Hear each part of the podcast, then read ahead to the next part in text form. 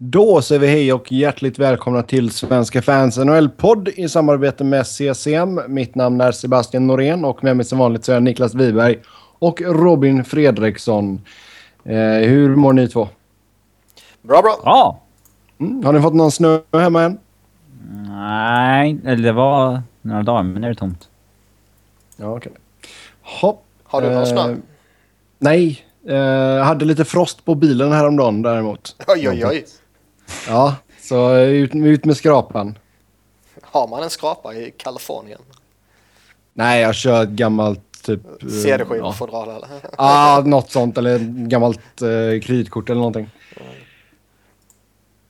Men eh, nu ska vi snacka hockey såklart. Och vi börjar med rykten och trades och allt sånt där smått och gott först och främst. Och stor nyhet från Pittsburgh var att man kickade Mike Johnston som tränare och ersatte honom med Mike Sullivan. Och vi pratade ju i förra podden om att det kanske skulle vara så att Johnston skulle få kicken och så blev det. Så eh, ja, vi hade rätt en gång i alla fall. Alltså det var ju egentligen oundvikligt om det här skulle fortsätta. Eh, att de liksom har sådana problem som de har. Men det kommer väl ändå lite tidigare än vad jag kanske trodde det skulle göra. Lika bra att köra så blir det gjort liksom. Det är ingen idé att vänta. Nej, lite så är det, men oftast så vill man ju kanske... Eh, jag menar, det var ändå, det var ändå hans egna coach om man säger så. Rutherford liksom då, som han plockade in och som han rekryterade och som han sålde in och då kanske man ändå in i det längsta vill ge, vill ge han chansen på att få rätsida på hela grejen igen och alltså även om de har gjort en dålig säsong så är det ju inte så att de liksom är borta från eh, slutspelsrace eller något sånt där. Det är ju liksom inget, det är väl inte Anaheim heller egentligen. Uh, med tanke på att de är tre poäng från slutspel och ändå ligger sist i Western Conference. Men, men liksom det är inte sån fiaskosäsong som, som Pittsburgh har gjort egentligen. Utan, och då är det ändå bara några få poäng som skiljer de två lagen emellan också nu. Pittsburgh har ju ändå jättelänge legat på liksom slutspelsplats och där runt omkring och så här. Uh, så det var väl det som gjorde att jag kanske trodde att, att Rutherford skulle ge sin Johnston lite längre tid. Men jag kan ju inte säga att det är fel beslut att sparka honom. Det har inte varit... Har inte varit bra. Uh, alltså Pittsburgh deras kurva pekar ju rakt ner egentligen sen de bytte ut Shero och Balsman mot Rutherford och nej, hans crew. Mm. Det, jag tror att Pittsburgh hade varit i ett bättre läge nu om de hade hållit fast vid de två, tror jag. Jag har inte... Förändringarna har ju bara fått negativ effekt. Eh, och, de har ju fått ut mindre och mindre av... Eh, alltså det man kan skylla Johnson för det är väl att han inte fått ut tillräckligt mycket av liksom Crosby till exempel. Men eh, laget är ju för fan inte bra längre. Det är ju bara... Det ser väldigt svagt ut på pappret trots att de har cap-problem. Liksom. Det så ska det inte... Det är dåligt managed. Det som ska bli så intressant nu med, med Crosby det är ju att om man på något sätt kan tyda relativt eh, omgående om det var Johnston som var problemet eller om det är Crosby själv som är problemet. Mm, det blir intressant. Ja, eh, Mike Sullivan då. Eh, han kommer ju från Wilkes Bear Scranton Penguins då i AHL. Han har inte varit där så länge. Han blev tillsatt i juni och nu är han uppe i Pittsburgh. Han verkar ju vara väldigt respekterad. Uh, och han har ju varit i Boston och styrt där några säsonger och han var ju med Tortorella som hans assisterande i, Rangers och Vancouver så uh, han verkar ha varit rätt så respekterat namn så sett ju. Frågan är ju bara om uh, ja, hur stora intryck han har tagit med sig från tårtan. mm. Jag hoppas humöret. För han, eh, det snackas ju lite liksom det här att nej, han ställer hårda krav och liksom den biten får man ju lite Tortorella-vibbar av. Mm. Och, Men kan inte det vara någonting som Pittsburgh behöver? En rejäl spark i röva? Alltså jag vet inte, det beror ju på hur man ser på motivation och på ledarskap och sådär. Antingen så ska man ju ha en spark i röven eller så ska man ju ha en, en klapp på, på ryggen liksom. Och vad som är bäst, ja då måste du väl känna spelarna personligen för att mm. avgöra det liksom. Från, utifrån ser du eh, Crosby som en klapp på axeln eller en spark i röven-spelare? Ja, jag vet faktiskt inte. Han ställer, Eh, nog, han ställer nog redan rätt jag- hårda krav på sig själv. Ja, precis. Eh, Jag, jag tror inte att... Han är nog ingen floater liksom. Som- Nej, jag tror inte det är problemet för han känns ju jävligt professionell och, och bra på det sättet. Så det, Det som alltid har gjort honom till bäst är att han har alltid jobbat hårdast i... Alltså i... Vart han än har varit. mm. Eh, Så det vet jag inte. Däremot så, alltså det är klart att alla kan ju på någon, någonstans på något sätt bli ja, bekväma i det man gör. Framförallt om man har gjort samma sak i jättemånga år. Då vet man själv att så småningom så blir man lite bekväm och lite ja, mindre seriös så att säga. Jo, men sen, alltså, vi vet ju inte riktigt exakt hur illa hjärnskakningarna har tagit på Crosby. Det kan ju vara så att han helt enkelt har pikat. Ja, pikat har han nog gjort ändå. Det tror jag väl nästan egentligen att man kan fastslå. Eh, Men det... Bara för att han har pikat så behöver inte det betyda att han är dålig i jättelänge. Nej, nej, absolut Utan- inte. Han är fortfarande inte dålig. Nej, utan liksom... Men han är ju inte den dominanten han var. Nej, det är han ju inte. Och det, det tror jag kan vara en kombination då av hjärnskakningar och kanske andra skador och eh, en naturlig, ja, precis, en naturlig försämring som kommer. För han har ju ändå varit i, i ligan jättelänge. Trots att Ja. han bara är 28 så har han ju, vad är det, 10 års erfarenhet liksom. eh, ja. Man är inte... Man är väl bäst liksom år... fyra, fem, sex i ligan kanske. Kan Mm. man säga. Så det är klart, han, han blir den mest intressanta att följa och visst han kanske kan behöva en spark i, i röven han, men jag, jag tror ändå i grunden så tror jag att han är en sån som ställer de kraven på sig själv och så sköter det själv rätt så bra. Och, eh, de andra är svårt att avgöra, liksom Malkin, vad, vad behöver han? Jag, jag kan varken säga det ena eller det andra. Phil Kessel, samma sak. Det känns som han fick massa sparkar uppe i eh, Toronto. Ja, Och det känns ju klapp på axeln kille. Ja, precis. Ehm, Chris Letang känns väl också lite så här att det kan ju också vara eh, en, en skadehistorik som, som sätter problem. Mm. Samtidigt så upplever jag det väl inte som att han har varit problemet med, eh, med Penguins denna säsongen. Han har ju skårat. Ja. Eh, Det är det som är hans jobb. Ja. Och eh, ja, nej, det är väl någonstans de spelarna som man måste på något sätt liksom bygga upp och lyfta fram och, och så här. För vi vet ju att Patrik Hörnqvist, eh, oavsett om man håller honom jättehögt eller inte uppskattar honom så värst mycket, så är ju det mm, inte den här ledande spelaren, utan det är ju någon som tar rygg på de här. Samma sak med Chris Kunitz och David Perron och så här. Kunnis börjar bli rätt kass. Eh, Ja. Och han har ju alltid varit den som behövt följa med någon annan och ännu mer nu. mm. Vi stannade i Pittsburgh för man gjorde en trade med Chicago. Man uh, tradade till sig Trevor Daley utbytt mot Rob Scuderi. Och eh, Pittsburgh behåller även en tredjedel av Scuderis lön. Ehm, ja. Den har ju potens... Känns det som en... Robin, konst. Robin, Robin, lyssna på mig. Istället för att säga ö, ä, mm. Så tänk ut, vad du ska, tänk ut vad du ska säga och sen säger du det du ska säga. Jävla trams. Eh, Eh,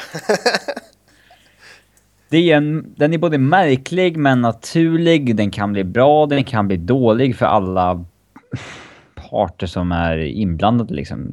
Scuderi var ju inte alltså jag bra ser ju... Jag, Pittsburgh. Daley var inte bra i Chicago. Bägge kan kanske få ett lyft av att byta, men Chicago byter ju ner sig och Daley var ju inte bra i en stor roll i Dallas. Här kan man få en stor roll för att Pittsburgh har en dålig backbesättning. Jag tror... Men Pittsburgh får ju den bättre backen i alla fall. Eh, alltså jag ser inga problem för Pittsburgh här.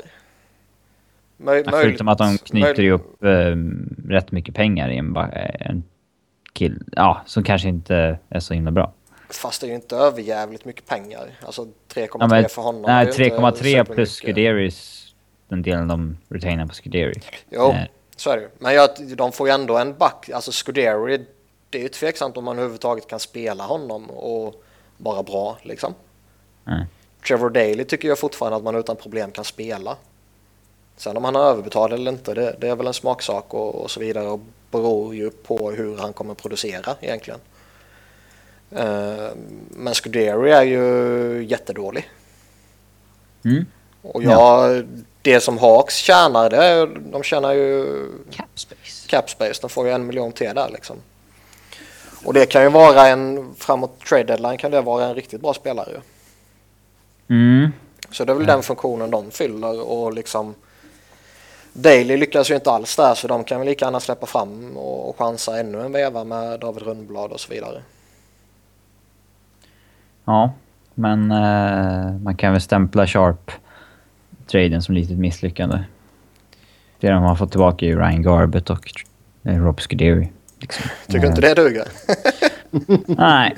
Eh, Nej men det är klart det var det, och det men det kände man väl redan på förhand också att ja, men det kom, kom inte ihåg när det snackades om att de ville ha en första så var det en A-level prospect och, eh, och så vidare. Men att de i alla fall skulle få någonting av hyggligt värde hade man väl trott. Nu blev det ju inte så. Alltså en Gar eh, Garbett är en bra bottom six-spelare men sån kan du ju hitta på PTO liksom. jo.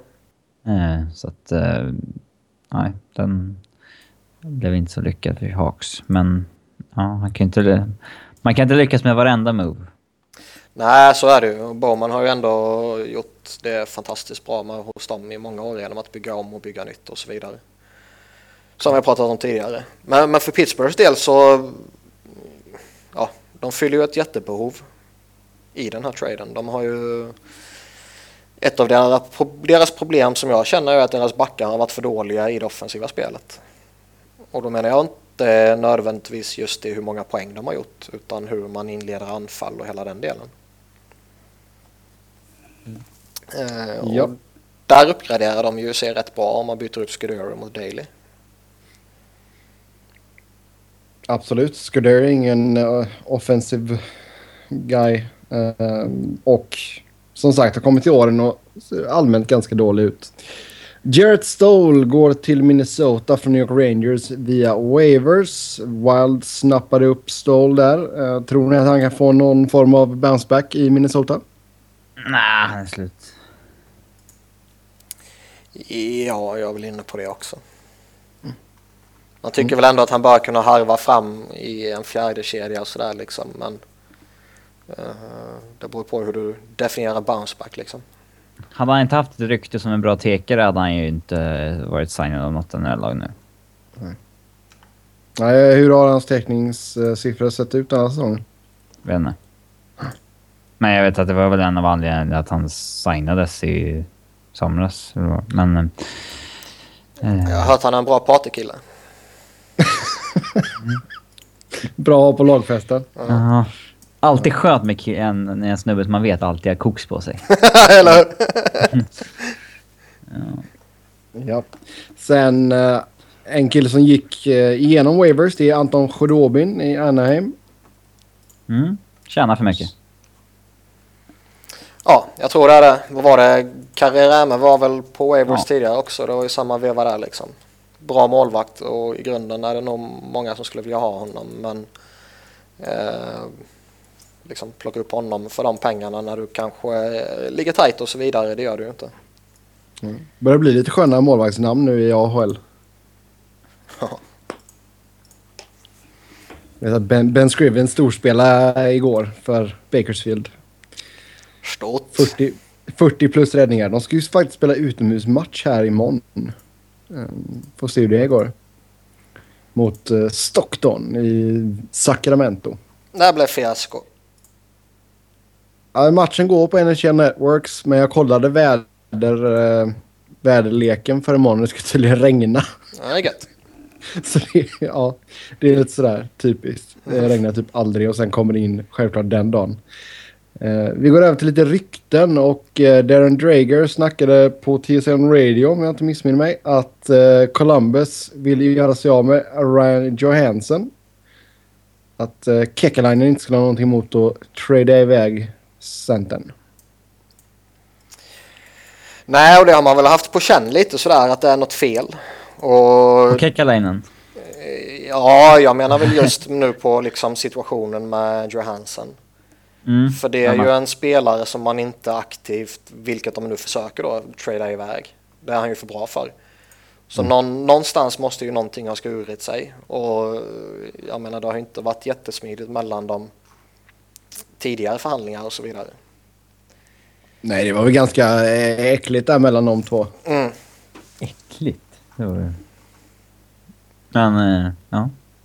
Så det att, att det bubblar lite sådär här, det, det var ju rätt så uppenbart och det blev ju inte bättre när Tårtan kom in och började håna honom det första han gör typ.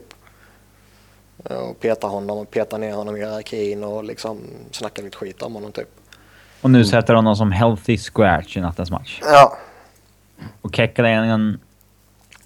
Det är svårt att veta. Kekkalainen går ut och säger att han står bakom det här till 100%. Det är svårt att veta om han gör det för att det har skurit sig helt mellan Johansson och organisationen. Eller om han gör det för att han måste ju backa coachen han precis tagit in. tog, tog in. Ja. Nej, jag, tror, jag, tror det, jag tror det kan vara en kombination av det hela. Ehm, för liksom känslan man får är ju inte att han bara går ut och säger någonting för sakens skull, Kekkelainen, utan att han, han tycker på något sätt det han säger. Annars kan man ju alltid man kan alltid veva in det i någon form av du vet, ordlek och bla bla bla och så försöker man slingra sig och så vidare. Men här känns det ju som att han, han är inne på det. Mm. Och nå, nå, något problem är det som sagt, vilket är, ja, med tanke på historien så är det ju inte så jättekonstigt, men med tanke på vilken spelare det är och med tanke på vilken pusselbit det är för Columbus så är det ju jättemärkligt. Mm. ja, det är Ja, nästa, han det är nästa Sagan-trade det här.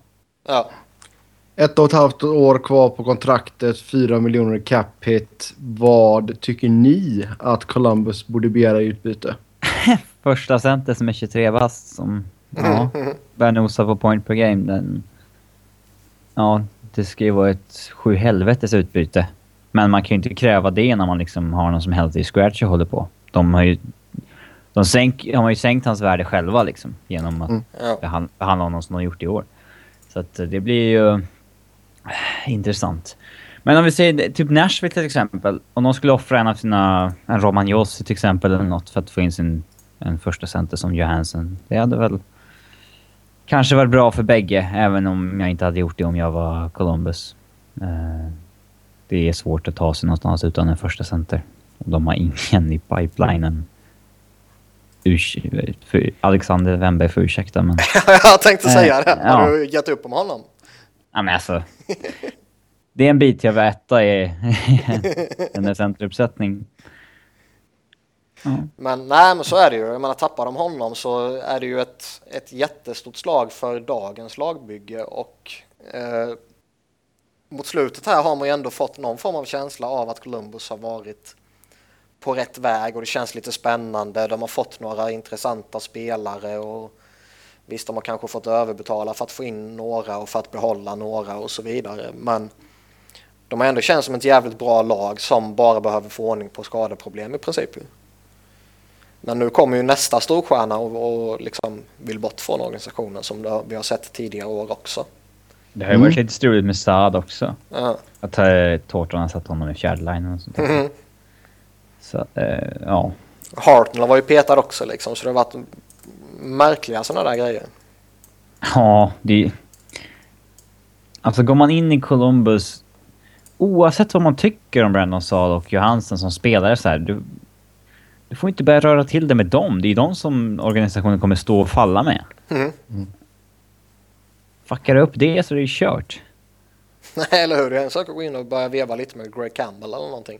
Ja, eller veteranen Scott Hartnell. Liksom. Det, Ja. ja.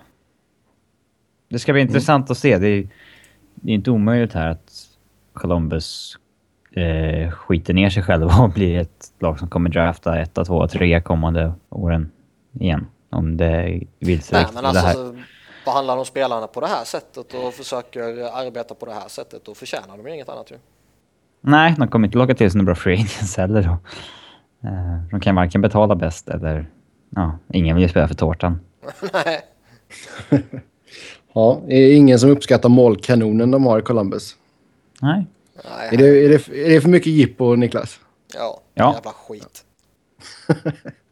Ja, sen eh, Bob McKenzie är övertygad om att Steven Stamkos inte blir kvar i Tampa Bay.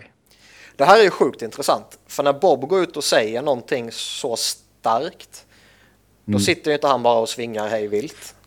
Nej, För Bob är ju Jesus.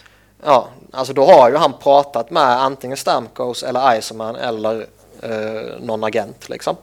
Mm. Eller att någon av dem har kontaktat honom. Eh, känns det som. Och eh, när han går ut och jättetydligt säger att liksom allting talar för att han inte spelar kvar.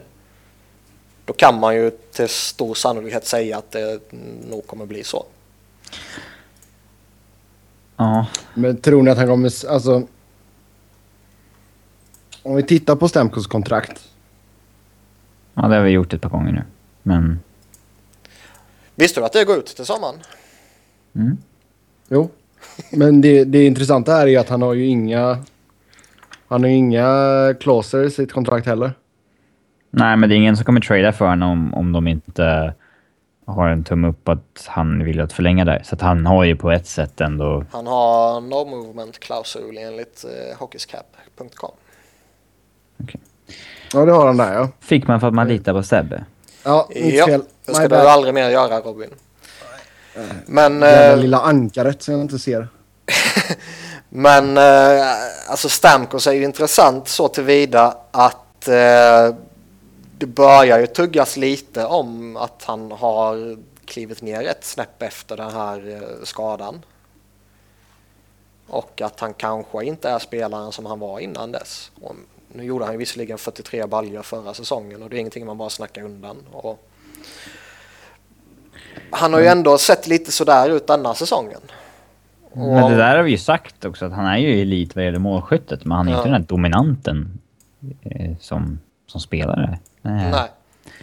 Men jag, jag tycker det är lite, alltså, vi pratade ju lite med, eller tidigare när vi snackade lite om hur tårtan går in och behandlar liksom stjärnorna där, så tycker jag det är lite, lite märkligt att man har en Steven Stamkos på, i ditt lag och som varenda människa förstår att han är en av ligans bästa målskyttar och utgående kontrakt och liksom man vill väl rimligtvis försöka behålla honom i ett första skede om priset är det rätta och så vidare. Men att då liksom börja hiva ut honom på en vinge när han alldeles uppenbart inte är bekväm där och själv sagt det liksom när du har Tyler Johnson skadad till och med och liksom har jättedåligt centerdjup. När du skickar ut Stamkos på kanten och har Johnson skadad. Mm, Det, det är också en man sån där gör det- jättemärklig grej. Det känns som att man gör det för att det har hänt någonting där och inte för att man tror att det faktiskt gynnar laget eller sådär. Men... eh, Nej, någon form av markering liksom att eh, Ja, här är det vi som bestämmer, du ska inte tro du är någonting. Typ. Ja, och... eh, ja. Det, vi har ju nämnt det förut, det är ju inte direkt logiskt för Tampa att liksom pröjsa 10 mille plus för Stamkos. Nej, jag, jag kan, man kan... Både jag, och. Ja, Man kan alltså ta- jag, jag kan föra jättetunga argument för att man överhuvudtaget inte kan släppa honom samtidigt som man kan föra tunga argument för att man bör släppa honom. Så det här tycker jag är en jätteintressant situation och eh, Ja, kan man säga. inte bara för att han, nej men inte bara för att det är liksom en duktig spelare och kapten och, och målskytt och så vidare utan just för att det verkligen är jättelogiskt hur den blir. Ja, det... För jag, jag, alltså här går det inte att säga vad som är rätt eller fel. Förlänga eller inte förlänga. Nej. Icer det är, ju, är ju för, smart, för smart för att släppa honom helt. Jag, Det jag tror kommer ju- inte han lämnar som UFA, det tror inte jag heller. Nej, Det kommer, Toronto kommer, känns inte logiskt heller. Nej, vad fan ska han gå dit och harva för liksom? Ja. Det är inte logiskt för Toronto att ta in honom nu heller. Ska de offra Morgan Riley och hålla... Ja, nej. Det vore ju märkligt beteende. Um, ja. Men vilka klubbar ser ni kan ha en chans att signa en Stamkos? Alltså om vi tittar även inte bara att ta in honom som en rental utan även alltså titta långsiktigt. Buffalo? Buffalo kommer nog vara heta på honom, det tror jag. Ja, Tim Murray han kan alltid koka ihop ett recept som Mm. eh, funkar. Um, det sades ju att Calgary var på i somras. Det hade också varit rätt logiskt. Eh, då får de väl offra en... Offra en... TJ Brody och lite skit. Eh, en Johnny Gaudreau kanske. Men också liksom, varför ska han gå dit? Ja, han får... Alltså... Det, det, alltså det, det argumentet kan man ju dra om vilken klubb som helst. För att Tampa är väl kanske den mest attraktiva klubben att vara just nu. Eh, så att jag vet inte. Det är svårt att tänka ut en logisk Stamkos trade för det är ju... Dels måste det laget ha råd att lägga 10 millar på honom och det måste vara logiskt för dem att ge upp sina tre, fyra bästa assets för att få in honom. Mm. Sen vet man ju också att eh, skulle en sån som Steven Stamkos liksom, om man säger officiellt bli tillgänglig så vet man ju att många lag skulle, eh, skulle kunna offra en hel del för att ta in honom. Även, även om du idag inte har en logisk fit och du inte har cap space och så vidare så när en sån spelare blir tillgänglig så är man ju redo att skapa sig den sitsen. Winnipeg kanske. De kan ha en jäkla farm att sälja av för att ta in en sån stjärna. Man undrar ju Canadiens. För där har det ju funnits ett uppenbart hål eh, på centerpositionen. Och då menar jag både Stamkos och Ryan Johansson. Alltså inte att de värvar båda två, men att man tittar Det på... är du! Jävlar! Det är såhär uh, Mike Richards och Jeff Carter-grej. Så att de kommer typ en halvtimme efter varandra. Så först bara oh shit, de tar en Johansson. Eller hur? Va? Stamkos också? Nej, men att man liksom siktar in sig på någon av de två. För det finns ju som vi har pratat om och som är rätt uppenbart ett, ett hål just i centerpositionen. De har liksom målvakten, de har backen, de har wingern. Eh, de har inte centern. Yes. Eh, spontant känns det väl som att Montreal skulle gynnas mer av att ta in Ryan Johansson med tanke på att du kommer få han billigt. Alltså eh, billig capita med tanke på att han är signad. Och billigare i jämförelse med i... Alltså... Det kommer kosta mindre att ha honom. Ja. Eh, så jag ser väl det som ett jätteintressant eh, alternativ för Canadiens. Och eh, är de bara redo att offra någon av sina liksom bättre yngre spelare så ser jag ju inte att de inte kan få till en trade heller. Mm. Ja, vi får se. Men jäkligt intressant i alla fall. Två riktigt bra centrar som kan vara tillgängliga. Vi får se. James Murtle tweetade ut för ett par minuter sedan att eh, Ray Emery är på väg till KHL. Skoj för honom. Mm, så grattis till Ray. Eh, ska vi se, vad har vi mer här? Dustin Bufflin vill ha åtta år och eh, strax under 6,9 miljoner i capita. Andrew Ladd vill ha sex år, 6,8 miljoner och Jacob Truba vill ha åtta år och 7 miljoner.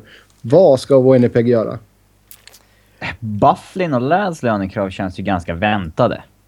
UFA i den åldern, sista stora kontraktet och så vidare. Truba Eh. känns lite tidigt va?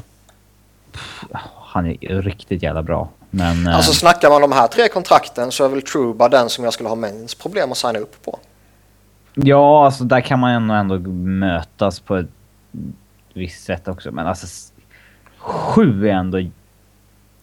Ja. Visst, det, visst det är lite saftigt men liksom du vill ju verkligen inte signa Big Buff på åtta år. Nej. Ja. Och- Men alltså Truba har ju inte... Det är inte så att han gjorde... Han har spelat 160 matcher, gjort 58 poäng. Han gjorde ingen så här 60 poäng säsong i fjol. så där. Nej, nej. Nej, nej, det vet jag också och det tror jag de flesta vet. Men eh, just om man pratar de tre där, vad man allra helst skulle göra, så det är ju inget snack om att jag tar Truba varenda dag i veckan på det kontraktet. Sen är det klart att Mm. 7 miljoner är väl saftigt Och man ska, ju, man ska ju komma ihåg också att siffrorna som nämns här det är ju vad de här spelarna går in i förhandlingarna med. Och då börjar man ju alltid lite högre än vad man kanske förväntar sig. Ja, det är klart. Mm. Eller lite längre. Det kan vara så också. Mm. Skulle Truba signa 6, 7, 8 år på 5,8 skulle vi inte höja på ögonbrynen. Nej, det hade varit fint. Mm. Sen Andrew Ladd, han är ju intressant så tillvida att han är väldigt respekterad och kapten och, och liksom jag tror inte man är intresserad av att släppa honom. Men det är ju lite i en sån sits här nu att vill man behålla honom så måste man signa honom på ett dåligt kontrakt typ. Ja, jag tror absolut att uh, Chevaldayoff vet att både Bufflin och Ladd-kontraktet inte skulle vara bra. Men man kan nog ha utrymme att signa en av dem, så att ja. säga. Um, men då tar du ju Ladd på sex år istället för Bufflin på åtta.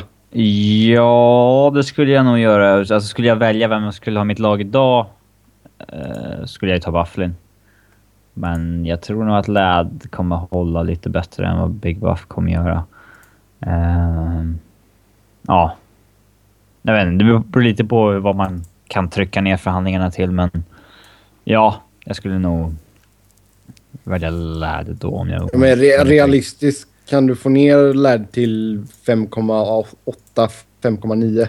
Alltså verkar ju han vara en bra ledare och sånt där. Bufflin verkar ja. lite störd. Så att... Ja, han mobbas ju. ja, eh, så att... Ja. Eh, var det inte kul om Bufflin trädades till eh, Buffalo då? Okej. ja, det var ju underbart ju. Ja. Och nu har Ken gått och blivit eh, alfahanen där liksom och det är han som börjar ja. bli mobbad. Ja, kastar in Bufflins kläder i duschen. ja. ja, det vore mm. fint. Men Bufflin, alltså han... Riktigt jävla bra. Alltså, han kan ju verkligen dominera matcher ibland. Ja, han är, han är ju skitbra. Det är en poänggaranti och hela den där biten. Men fan vad jag inte vill signa honom på ett långt kontrakt. Nej. Nej. Alltså han är redan gammal så har han den kroppshydda han har och, och liksom låter gå några år. Sen tror jag han kommer vara riktigt jobbig att ha att göra med. För det egna laget menar du eller? Ja. Ja. Eh, ja, kan det vara. Sen, är, sen vet man inte alltså. Håller Buffle bra nivå i två år till? Eller fem år till? Det är liksom... Nej, alltså signa honom på ett fyra eller femårskontrakt som är välbetalt. Det kan man väl göra. Mm. Men eh, just att gå till åtta år, det är fan saftigt alltså. Ja, verkligen. Men det är förståeligt att det är det han ber om. Han kan ju ja, få det. det är klart han ska uh, göra det. Han är ju dum i huvudet om han inte gör det. Ja. Uh, sen vet, det är svårt att säga så här att ger inte Winnipeg det så kommer någon annan göra det. För att vi såg ju så här förra sommaren hur spelare tvingades... Alltså när det var klubbarna som satte agendan.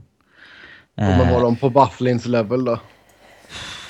Alltså nej, det känns väl lite som att blir han tillgänglig så kommer han ju få sitt pröjs liksom. Från vem?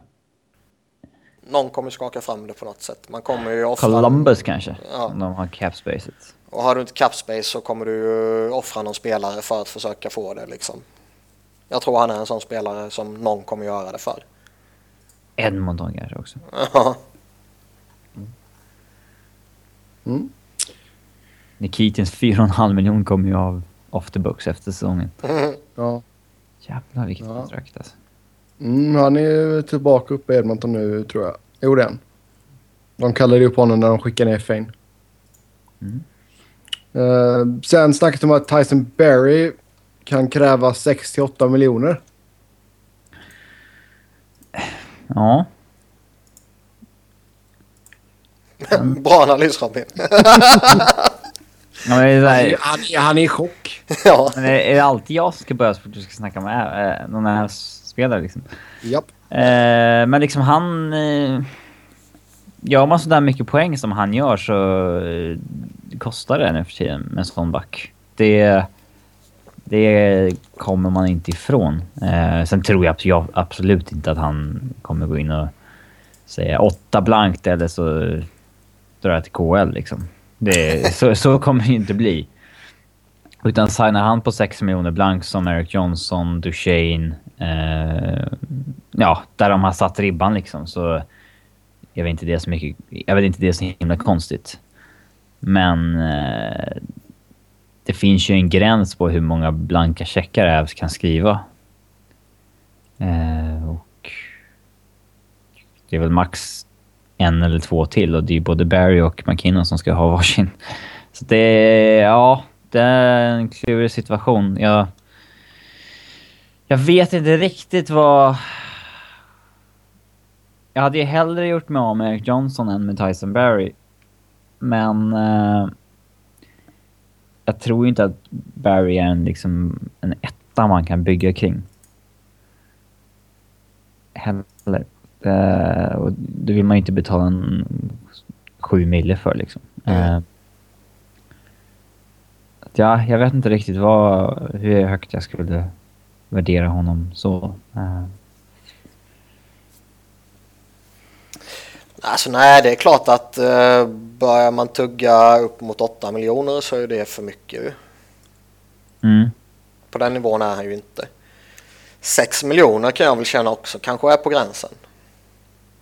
Mm. Uh, sen är det som du säger, han producerar ju så det är klart att de siffrorna ska nämnas. Men uh, i den bästa av världar ska han väl snarare ligga strax under 6 miljoner. Ja, 5,75 eller som Tobias Enström typ. Mm. Um, och sånt. Um, men det ska bli intressant att följa om han liksom verkligen kräver sådana pengar. Fortfarande, han har ju representerats av Newport precis som Ryan O'Reilly gjorde. Um, så att, uh, Oj, oj, oj. det är ju e- extra intressant ur den synpunkten. Uh, så uh, vi... Ja. Extra oroande för dig kanske. Mm. Yes. Sen eh, Pierre LeBrun säger att Kings vill inleda förhandlingar med Milan Lucic. Och eh, frågan här är vad skulle vi signa herr Lucic på? Alltså det är jättesvårt. Uh, Alltså såvida du inte har någonting klart med Coop där så är det ju... Ja. nej men det nämndes ju i samma andetag att först ska de signa Kopitar och sen Lucic liksom. Han, han är prioritering liksom. Men Lucic är... Alltså jag skulle inte vilja signa han i januari. Eller februari eller vad det nu blir. Utan han är ju... Jag, jag är rätt så övertygad om, ska man signa han så måste du nog signa honom på ett eh, långt kontrakt. Mm. Och eh, ett kontrakt som på sikt kommer bli jobbigt att ha att göra med. Som vi har pratat om tidigare. Eh, så jag vet inte. Det, det mest logiska är väl på ett sätt att släppa honom liksom. Eller kanske skeppa hans rättigheter efter säsongen och så vidare. Med tanke just på vilken kappsituation man har. Du har många långa dyra kontrakt och så vidare. Och du kommer få ytterligare ett på Kopitar och hela den delen. Och vill man då signa upp en eh, potentiellt ny Dustin Brown liksom. Mm. Nej men det är väl lite det som är grejen. Alltså kan du bli av på... Om du kan trolla bort Dustin Browns kontrakt på något sätt. Vilket är väldigt svårt. Så kom, då de kommer inte bli av med det utan att ta emot likvärdigt skit ju. Nej, det är mycket möjligt man kanske bara kan spara in någon miljon. Ehm, Och de har inte blivit av med det. nej. Men alltså Men- i en, i en ideell värld så hade jag väl inte heller sett om man hade signat Lucic på mer än kanske ett fyra, max fem års kontrakt. För alltså det är den spelstilen killen har alltså. Det är... Det är inte så att han har rejäl fart under buggarna heller. Han är ju Nej. liksom trög och som det är. Han kommer ju inte Ja. bli vassare med åren. Och det är inte så att han har superskills med klubban heller. Som han kommer... Alltså det är mycket möjligt att han är en 30-40 poängs winger de sista 5-6 åren på hans karriär. Eh, Ja, alltså det, är- det är ingen 40-målsskytt vi pratar om. Nej. Han kan mycket väl ha oflyt en säsong och stanna på 15-16 kassar. Liksom. Eh, som, som man kan ha... Han är nog 31 år när han var 22. Men... ehm, Ja. Samtidigt tycker jag att det är konstigt att man uh, tradade för honom på så vis som man gjorde om man inte hade en plan för hur man skulle signa honom sen. Ja, man, men det, är ju det som är så ologiskt om man släpper honom. ja. Det är, man tradar inte för att använda en 27-årig Milan Lucic som en ettårs rental. Nej. Vinner man kuppen så är det värt det. Det har jag sagt sedan dag ett. Nej, ja, det är klart men det det är, det. ju Men- jättesvårt att vinna cupen. Ja. Man, alltså man kan ju inte utgå absolut. från... Man kan inte göra... Bes, man kan inte göra såna här beslut baserat på... Men vinner vi är det värt det. Nej. nej, nej, det är klart. Alltså, samtidigt så... eh, jag hoppas ju att Lombardi har någonting i görningen och att han kan försöka bli av med Dustin Brown och kanske även Marian Gaborik på något vänster. Även fast det är som sagt det är jäkligt svårt med båda två. Um, Jag tror du drömmer eh, jävligt hårt nu. ja, men drömmar får man alltid göra. Jo, det är klart man ska göra det, men eh, dröm, Men sen, alltså, dröm, det- drömmer man för mycket kommer man bli så jävla besviken när det inte blir av. Förhoppningarna är ju inte höga, men hoppet får man ju fortfarande ha. Eh, sen alltså Lucic har ju funkat bra nu också med Jeff Carter och Tyler Toffoli. Så det, är- det är klart att det har varit surt att se honom lämna, men alltså... Men utan att att veta hur rent, mycket Capital får så vet man ju inte vad man har för budget att röra sig med och det... Alltså cap-situationen är ju skit. Man, kan ju, man får väl räkna med 10 på kompet i alla fall. Alltså utgå från att det är runt och slänga 10. räkna med Ja, det är väl- 9,5 plus minus kanske. Typ. Ja. Eh, men liksom Milan Lucic, han är ju, idag är han ju bra givetvis. Ju. Det är liksom, jag, jag menar inte att han är dålig, det är inte det jag säger.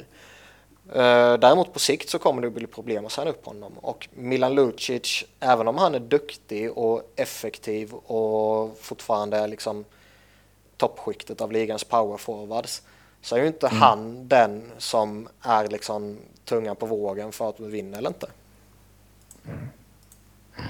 Nej, och sen alltså vad, vad, vad sätter vi på för realistisk cap hit på Lucic också?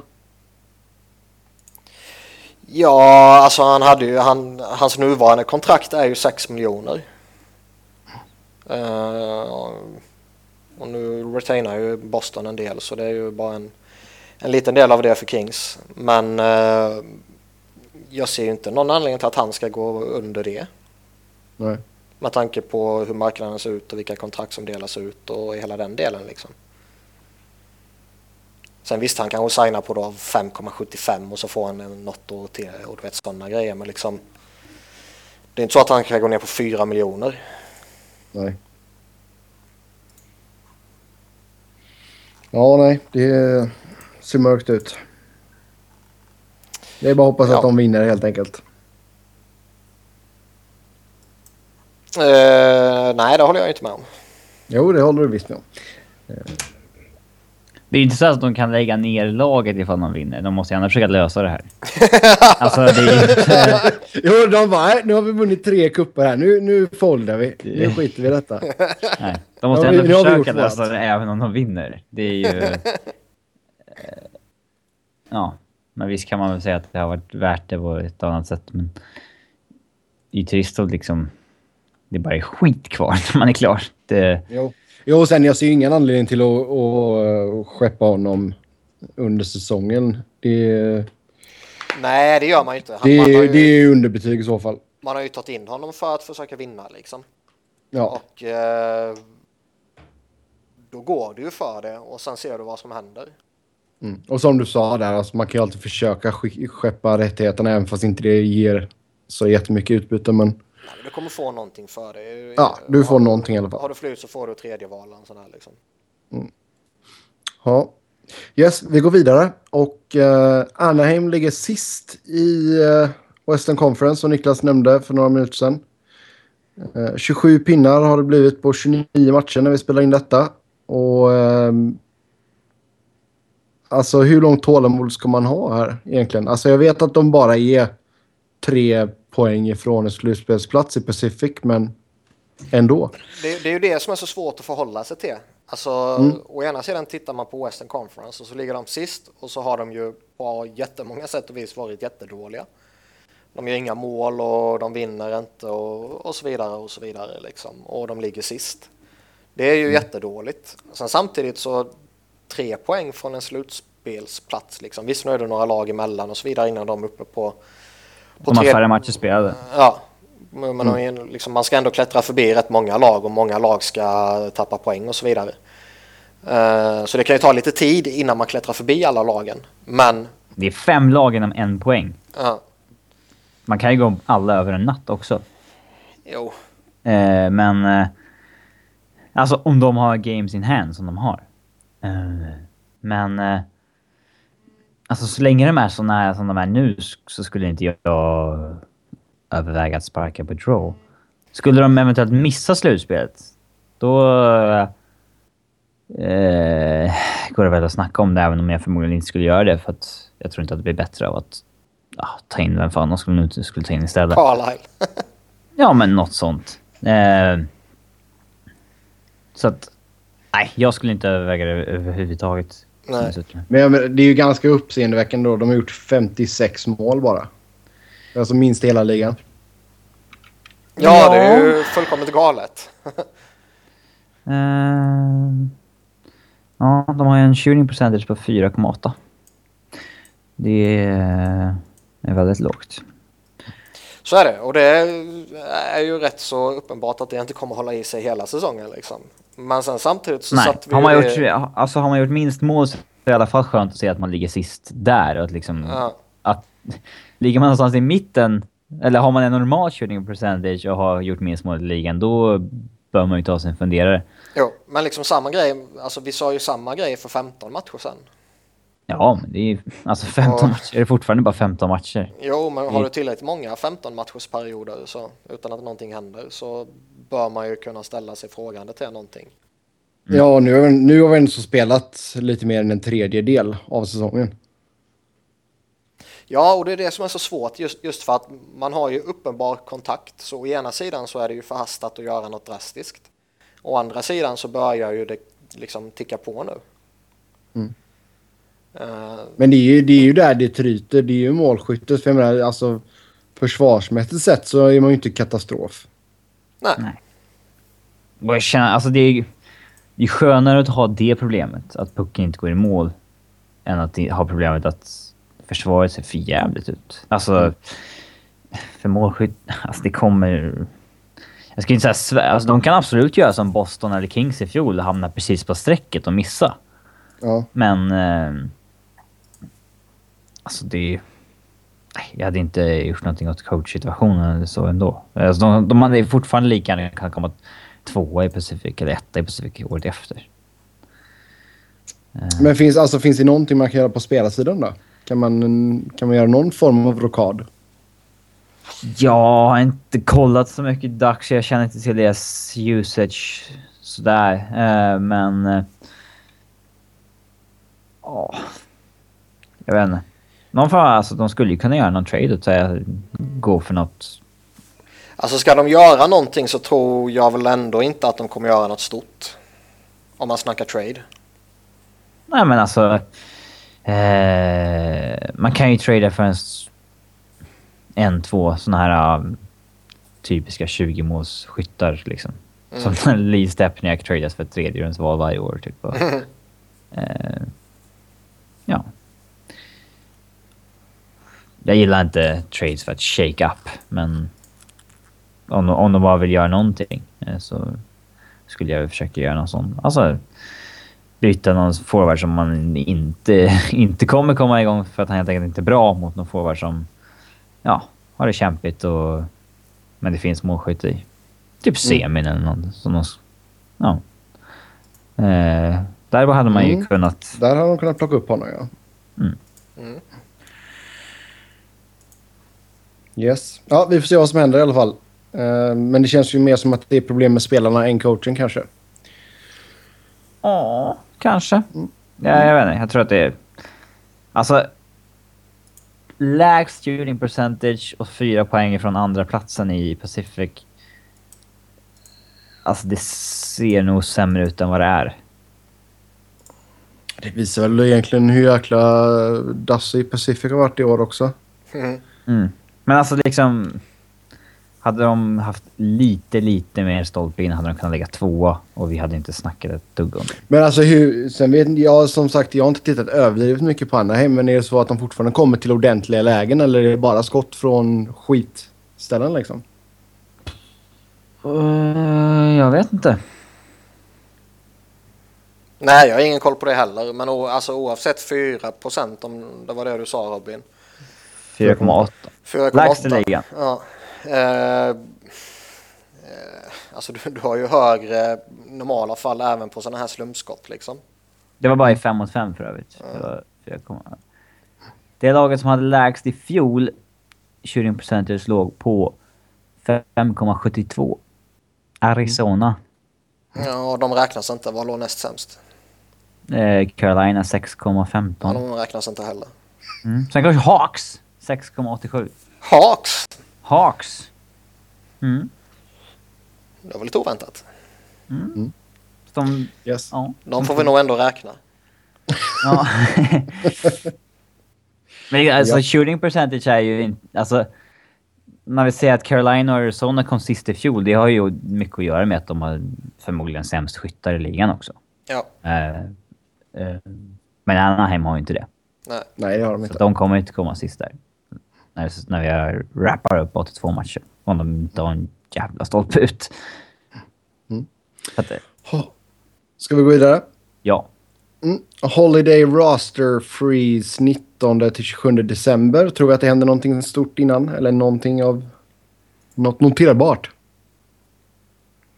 Det är alltid svårt den här roster freeze och eh, allt sånt där liksom. Och, Vilket inte hända skit ju. Nej, och man brukar alltid prata om att nej, men det är ett bra läge att göra det nu. Och samma när det har varit typ OS så finns det över det också. Så känner man att ah, men liksom innan OS så finns det en liten mini-trade deadline. Kommer, det kommer vara lag som utnyttjar det och sen händer det inte ett skit liksom. Eh, så jag vet inte, det är svårt liksom. Det, man vet ju inte vad Pittsburgh tänker om de vill göra något mer. Jag läste ju någonting om att de hade eh, typ kollat Tobias Enström, eller Toby som han nu vill heta. Mm. Eh, men om det var nu har eller om det var innan. sitt svenska pass. ja, men om det var nu eller om det var innan uh, traden för Daily, det, det vet jag inte. Mm. Eh, men de känns väl fortfarande som att de vill göra någonting liksom. Eh, Frågan är om man bara vill göra någonting så tätt in på nästa och om man hittar något vettigt och hela den biten. Annars så känns det ju det är ju inte lätt att hitta något liksom sådär jätteuppenbart logiskt. Ja, men det där kommer ske. Brian Johansson till exempel tror jag kanske inte sker på eh, två timmar liksom. Nej, det behövs nog lite planering för den. Eh, det kan man lugnt säga. Några som kanske kan göra någonting det är Arizona. För Mark Smith är borta 8 till 10 veckor på grund av en magmuskelskada. Eh, General manager Don Maloney sa att man skulle i alla fall titta på marknaden. Där Ja. kunde man ju tagit upp en eh, Khudobin kanske. Eh, Ja, men eh, jag, jag stjäl Simpas eh, slagord eh, Anders for Austin. Ja, just det. Just det, det var hans slogan där ja. Anders Ja, Lindbäck kan ju det- bära dem till Austin Matthews ju. Så det är Lindbäck och eh, Luis Doming som är uppe just nu. Alltså de kanske kan... Jag vet inte om de har någon... Eh, alltså prospect-målvakt de kan kalla upp och hellre spela sådär. Men det är inte så att de... Jag tror inte att de själva liksom tänker nu går vi för slutspel, nu måste vi lösa det här och fixa in en Nej, annan alltså, målvakt. grej, grejen där är inte. väl bara att de vill att ungdomarna ska fortsätta utvecklas. Det är inte mer med det. Men alltså, det kanske var så att de vill ha någon som är lite mer erfaren än Doming och backa upp Lindbäck. Uh, utifrån prospect så ja, du har han tysken Treutel i AHL. Men han gör ju sin första säsong här över i Nordamerika så jag vet inte fasen om de är sugna på att slänga upp hon- honom i NHL redan. Känns alltid som det är bättre att liksom bara plocka in någon sån där utifrån liksom. Någon halvdan veteran liksom. Mm. Den hittar man ju alltid på något sätt. Ehm, eller så var det bara ett sätt för honom för mm, ja, både Arizona och Sabres fick lite skit, eller skit i fjol med, med tanke på vad de tankade liksom. Det kan ju bara ha varit ett sätt för honom att liksom, ja men nu har jag i alla fall sagt att vi vill försöka vinna. Ja, men alltså undvika kritik. Ja, ja. Ja. Jo, det är sant. Mm. En annan målvakt som är skadad är Marc-André Fleury. Borta minst en till två veckor på grund av eventuell hjärnskakning. När får vi... Eh, skulle de köra någon CT-scan på honom då, eller? Vet ej. Mm. Men eh, det här är ju rätt eh, jobbigt slag för Salvan. De kommer in och så får du Flurry skadad liksom. Eh, så det är klart, det är ju inte någon gynnsam situation och en hjärnskakning på det och sen borta länge då då ser det ju rätt illa ut för Penguins. Mm. Ja, vad har man bakom Fleury? Du har ju Jeff som är en liksom... Han är en duglig backup för det liksom betalar 600k för honom. En oprövad. Ja. Och sen eh, Matthew Murray som ju har gjort eh, väldigt bra i AHL. Så det, Ja, men då är ju Sullivan i alla fall lite familiar med honom. ja, och liksom han har ju, han har ju till och med varit jättebra i, i AHL och alltså han, man kan ju slänga upp honom så kommer han lösa det galant i några veckor och, och hela den biten. Men har man oflyt med en hjärnskakning och det är borta länge och man vet ju inte riktigt med målvakter. De, kan ju, de har ju en tendens till att bli lite pååkta och få någon smäll här och där som egentligen inte är avsiktlig men som ändå blir allvarlig så att säga. Mm. Ehm, och skulle, nu kan man ju säga det om vilket lag som helst att tappa första målvakt och så vidare är jobbigt. Men för Penguins del så tror jag det skulle vara väldigt jobbigt just med tanke på att försvaret inte har sett jättebra ut liksom. Mm. Ja, de har lite skadeproblem, det kan man lugnt säga. Jo. Ja, sen är det veckans Shane Gothisburg update med Niklas Wiberg. Ja, du nämnde det denna veckan i alla fall. Mm. Och Hur har det gått för honom, äh, lille pöjken? Ja, jag förstår inte hur han inte har vunnit Norris ännu. De kan ju inte ge ut det i förtid, vet du. Hur orkar ens säga det? Eh, nej, men han är ju bäst ju. Han Har du ju- beställt en tröja än? Nej, det har jag inte Det gjort. är för mycket jippo. Man, eh, man vågar ju inte för man, alltså kommer han spela i 53 hela karriären liksom? Man vill ju på något sätt ändå avvakta lite och Ja, fast samtidigt så får du lite cred ifall du har hans tröja med 53 där sen. Ja, och på ett sätt ju. Eh, nej, men alltså. Han var den första i NHL-historien i sett till antal spelade matcher som gjorde tre overtime goals. Så han är ju historiens bästa back liksom. Japp. Vi vet vad du ska vara för halloween nästa år i alla fall.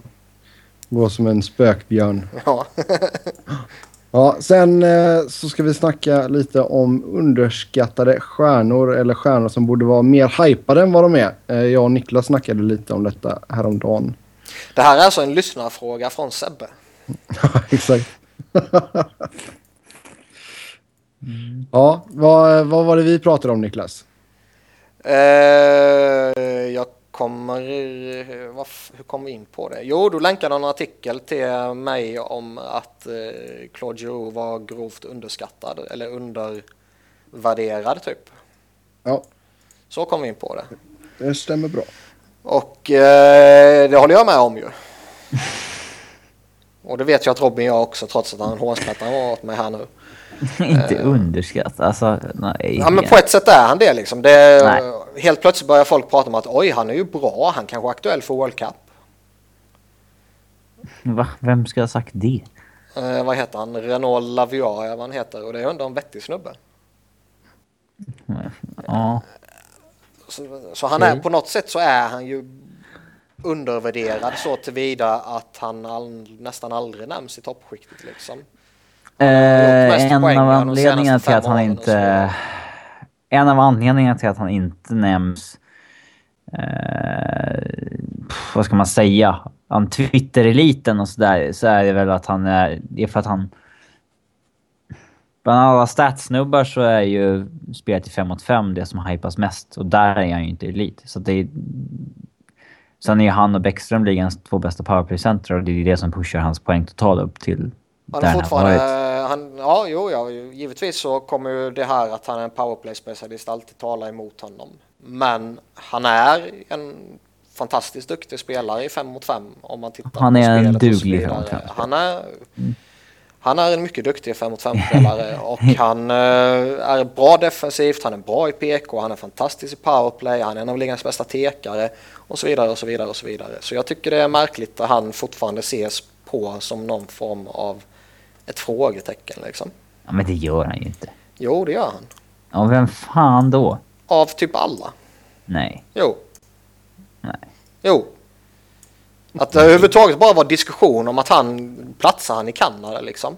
Men det är ju en han varje spelare utan Crosby i princip. Nej, och att han liksom inte blev eh, uttagen när de plockade med massa andra dörrnickar. Så det är klart han är underskattad eller undervärderad eller vilket uttryck man nu vill utnyttja. Mm. Jaha, det tycker jag inte. Nej, och du tycker fel. Mm. Robin, har du någon spelare som du tycker är underskattad? Eh, nej, vi snackade väl underskattade för några veckor sedan. Vilka sa jag då? Ja, men, ja, men nu pratar vi underskattade stjärnor. Underskattade stjärnor. Eh, på rak arm vet fan. Det, John Tavares var ju alltid den klassiska man alltid nämnde. Men han är det känns lite tvärtom, typ. fel nu. Ja. Taylor Hall är lite underskattad. Han är i princip dominant varje match han spelar, men han spelar i Edmonton så att... Han ja. räknas inte. Eh, Varför inte då? för att han spelar i Edmonton. De, de, Ja okej, det är de, det som gör att han är underskattad i och med att... Mm. Det är bara McJesus. Ja, Ja, eh, men... Nu har Eh, varit ganska bra hype runt uh, Dreisaitl också. Jo. Han har kommit in och gjort det jävligt bra. En sån som Ryan Hall Johansson. är... Ja, Hall är lite bortglömd där. Han är underskattad. Ja. Ryan Johansson kanske? Mm. Eh, jag vet inte om Carl Turris har fått det där riktiga erkännandet som en första center i ligan. Men... eh, Nej, det kanske han inte har fått. Nej, det har han väl inte. Men sen samtidigt så beror, kan inte det bero på det här med liksom vilken push de gjorde förra säsongen och så vidare. Att folk liksom inte vågar ta någon förutom typ Erik Karlsson på riktigt där. Ja, och sen blir det ju mycket... Alltså han överskuggades ju av Hoffman och sådär också. Så. Mark Stone. Ja. Eh, Blake Wheeler tycker jag är svår att förhålla mig till. Jag kan inte själv avgöra om han är överskattad eller underskattad. Alltså, Alltså... Han nämns som underskattad så jäkla ofta så jag tycker inte Ja. att underskattad alltså.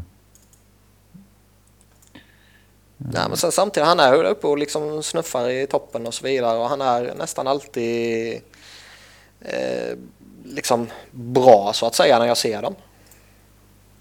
Kan jag säga så här om jag, om jag säger senaste två säsongerna plus den här säsongen. Vilka, tro, vilka fem spelare tror ni ligger topp i NHL bland forwards i points per 60 i 5 mot 5? Oj. Ehm, Patrick Kane. Han är inte med. Han är inte med. Crosby är inte med. Malkin är inte med. Ovechkin är säkert med. Nej. Getzlaff. Getzlaff är nummer fyra. Det är ju fan i Corey Perry med där också då. Nej, han är sexa. Någon av Dallas-snubbarna måste vara med ju. Ben Ja. är etta, Sagan tvåa. Ja. Tarasenko är trea och Mm. Taylor All är femma. Ehm, Och då är ju Taylor Hall den minst uppskattade av dem. ja, men han buntas ihop en del liksom med Edmonton-gänget som inte har lyckats göra något av den organisationen på ett vis. Eh, Det känns ändå rimligt på ett sätt samtidigt som det känns orimligt. ja, men han, han drar ju sitt lass liksom. Det är... fan mer ska han göra på ett sätt, men... eh, mm. Sen ligger fan Duchene 11. Det är ändå rätt... Mm. Ja, men Han känns- Duchene, alltså, men han- är Duchene underskattad? Jag vet inte. Eller ses han inte riktigt... Alltså, han ses väl fortfarande som en stjärna eller? Jag vet inte riktigt. Alltså, det, jag vet inte hur andra... Jag tänker bara vad liksom Colorado-folk säger om honom och så vidare. Och där är han ju rätt ifrågasatt som killen som han inte har lyckats ta sista steget liksom. Och, in, och bli en typ 90-poängsspelare eller vad fan folk har förväntat sig att han ska bli.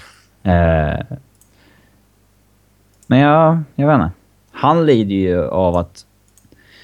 Han har ju producerat i toppskikt i ligan i 5 mot 5 i flera år, men i PP har inte alls fungerat. Hade han gjort ett normalt poäng i PP så hade han ju varit en osatt från det 85-90 poäng. Eh, mm. Finns det några underskattade svenska stjärnor? Nej. Nej. Det blir ju aldrig så. för göra de minsta lilla så överskattas de ju.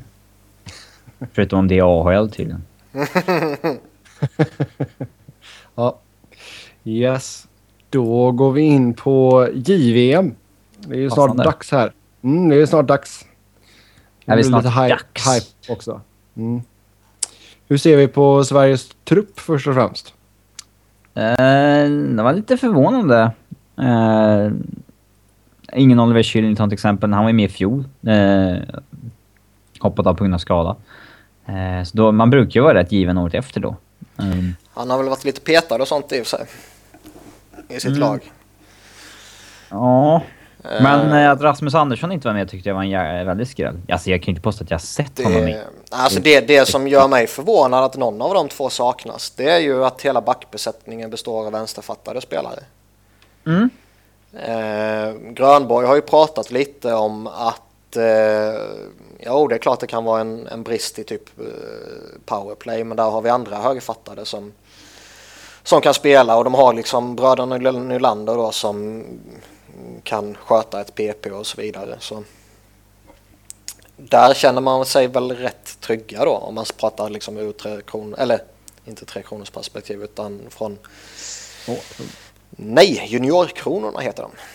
Jaha. Eh, om, ur deras perspektiv. Men eh, jag tycker väl fortfarande ändå att det är lite så här anmärkningsvärt och lite förvånande att man står helt utan högerfattade spelare. Sen verkar ju både Kyllington och Rasmus Andersson vara eh, ja, så, olika varianter av rötägg. Eh, och de verkar ju när de presenterar truppen och så vidare lägga mycket fokus på att man ska ha rätt karaktär och man ska passa in i gruppen och så vidare.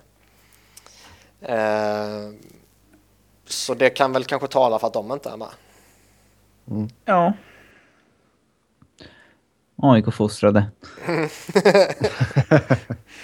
Ja. Men annars, annars- viktigt att få loss eh, William Nylander och Adrian Kempe som ändå har gjort det jäkligt bra i AHL i år. Nylander Ja. har ju potential att vara JVMs största och bästa spelare. Alltså han gör ju en historisk säsong i AHL och han är ju hur bra som helst och eh, Jag har inte riktigt landat på svensk mark vad han har gjort i AHL. Alltså det... ja, men det är ju för att man inte tar AHL på allvar liksom. Ja. Men alltså Och- han var ju så jäkla hypad när han var i Sverige. Sen så fort han gav ut till AHL så... Då dör Det, det. det var som att de liksom, folk blev, eller svensk media typ blev, blev besvikna på att han valde den vägen istället för att spela i Sverige. Och Nej men exakt. Eh, och man tycker liksom- att ligan är så dålig och ja, ja, men gör du lite poäng där, det ska ju vem som helst kunna göra. Men att han liksom leder poängligan där som tonåring. Och... Han går, han går mot, man kan ju inte säga något förrän säsongen är avslutad givetvis, men han går ju mot den bästa säsongen någonsin av en 19-åring. Mm. Han liksom ligger före Patrice Bergeron och Jason Spezza som ändå har haft rätt så okej karriärer. Eh, Sen, Ja. är det, sen är det klart att det är enkelt att vara kritisk till, till William Nylander om man pratar kroppsspråk och, och liksom kanske defensiv och så vidare. Men allting man hör från Toronto är ju att han har utvecklat just de delarna jättemycket. Eh, och det är ju inte Men det bara... vet, ju inte, det vet ju inte folk som senast såg honom i hans sista match i Modo eller i finalen i JVM. Jag vet inte om han spelade något i Modo efter JVM. Men... Eh, eh, nej. De har ju inte sett det. Eh, och... Eh, ja. Eh, sen vad fan. Även om han är exakt som i fjol, det är inte direkt att det skadar att ha ett, en superelit snubbe i offensiven. Nej, alltså... viktig del. Ja, exakt. Eh, jag tycker ju att eh, har man med en sån spelare, alltså dra vissa paralleller till typ Alexander Ovechkin, då ska man ju ge han fria tyglar och bara släppa lös honom. Ja. Låt honom göra sina grejer och han kommer misslyckas tre gånger, men när han väl lyckas så kanske han avgör matchen. Eh, och så vidare. För man har ju sett att när de spelarna, när man boxar in dem i något system och tvingar dem till att eh, agera på det här sättet, då blir det ju inte bra ju. Sen är det klart att de måste liksom köpa hela konceptet och så vidare. Man kan ju inte ha folk som ja, gör vad de vill utan att bry sig om allt annat. Liksom. Det funkar ju inte. Utan man måste ha någon form av styrning. Men han ska ju blåsa på så det bara sjunger om det. För det är som sagt, eh, tar han med sig den formen han är i nu in i JVM och blåser vidare där så ja, då kan han ju bära Sverige till guld själv liksom. Mm. Och, å, an, å andra sidan så tycker jag att det är, liksom, det är lite nedvärderande mot laget i övrigt att säga att William Nylander är eh, liksom skillnaden på guld eller inte guld. För jag tycker ju laget i övrigt är ju jättestarkt. Ja. Eh, sen vi, vi minns ju att han gjorde ju 20 poäng på 21 matcher i ett katastrofuselt Modo i fjol.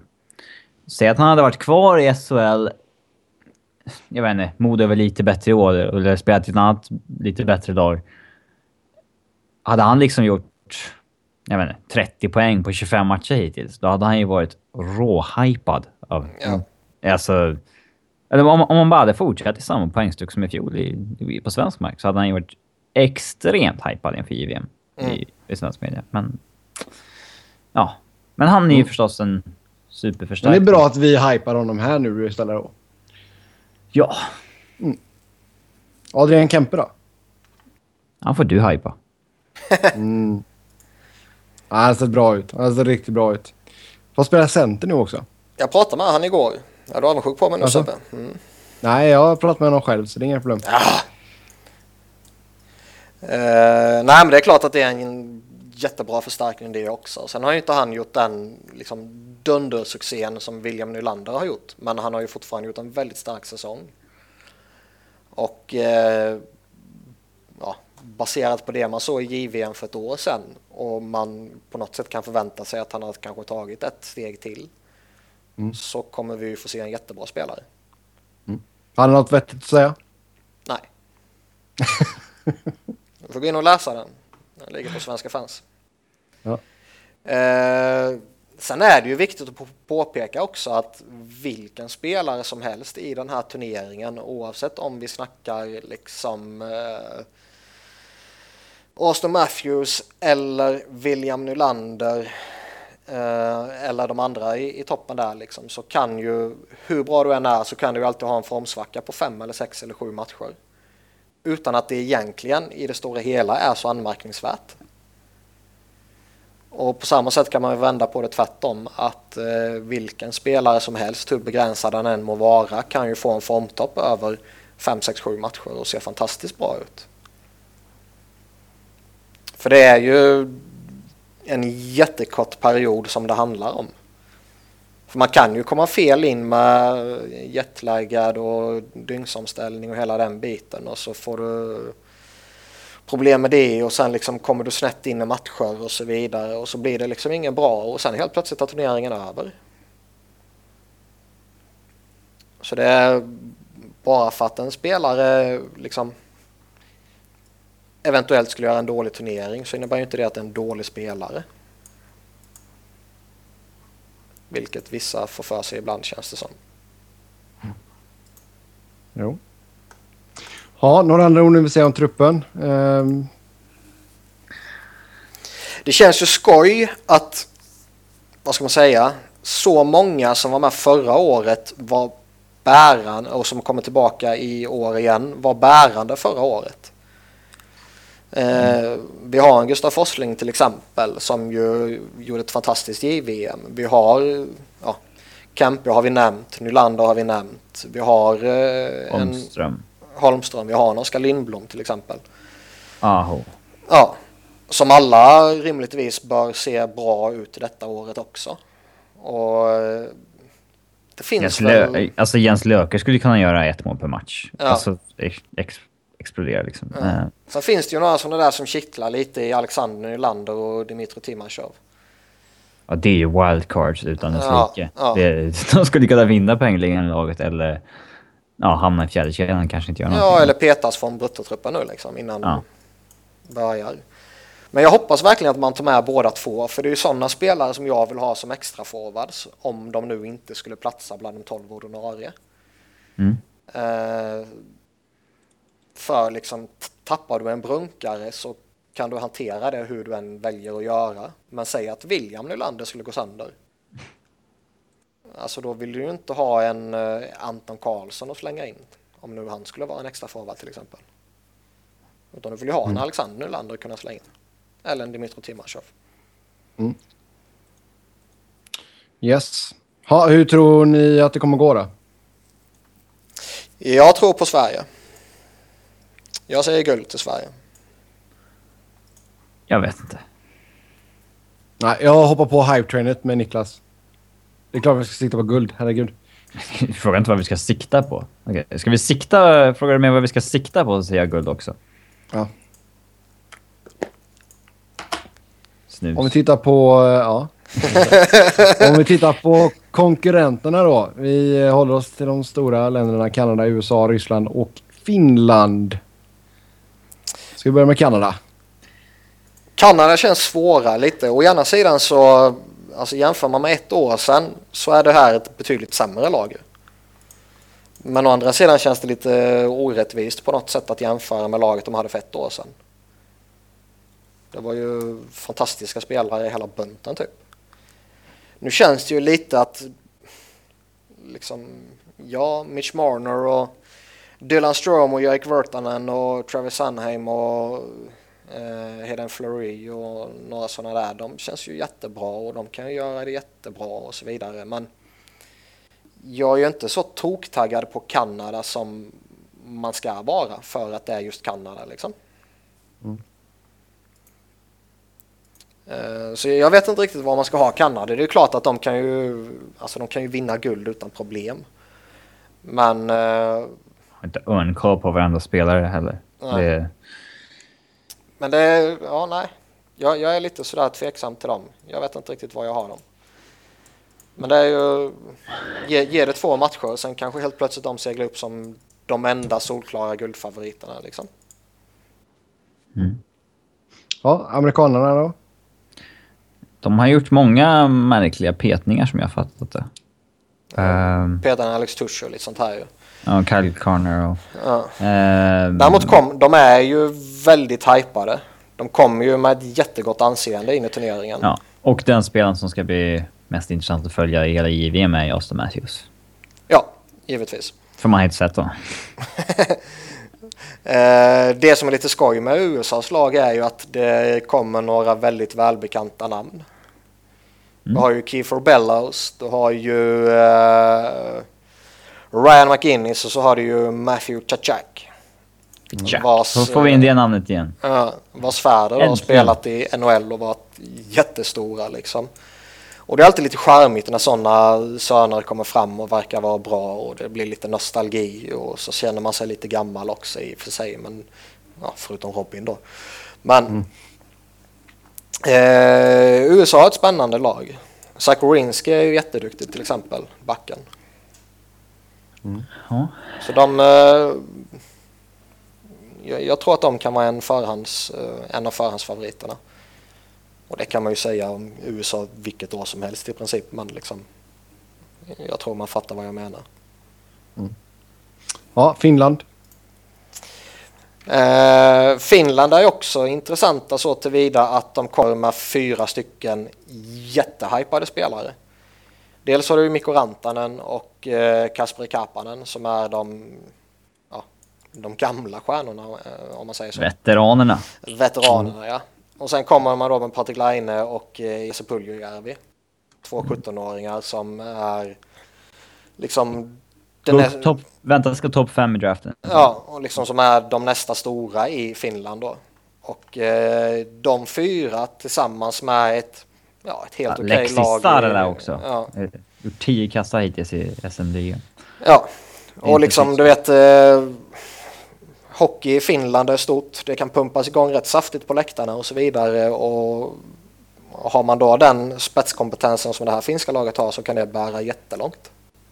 De har ju Sebastian Aho i år också. Ja, Det är ju, han fe- fake-AH. ja, Sen har de det, det som är lite skoj med Finland, nu vet man ju inte om alla är med hela vägen in, men de har ju en del liksom 98-99 år. Sånt De är ju alltid skoj att följa också.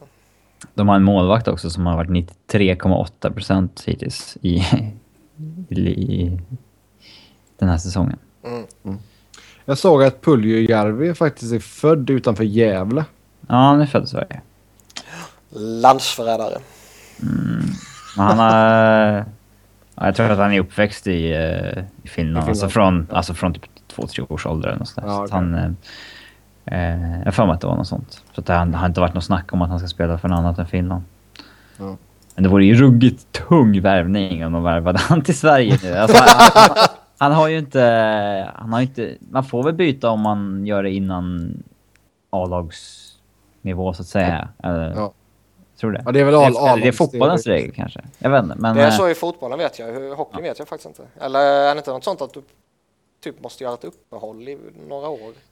Eh, det, var, det är ju så för uh, Djurgårdens målvakt Mantas Armalis som har spelat för Litauen. Skulle Ja. han byta till Sverige så måste han göra ett uppehåll på 3, 4, 5 år eller något sånt där. Eh, men, han, men han har ju spelat flera VM för Litauen. Alltså sen han var typ 12 började han platsa i det landslaget liksom. Eh, så att... eh,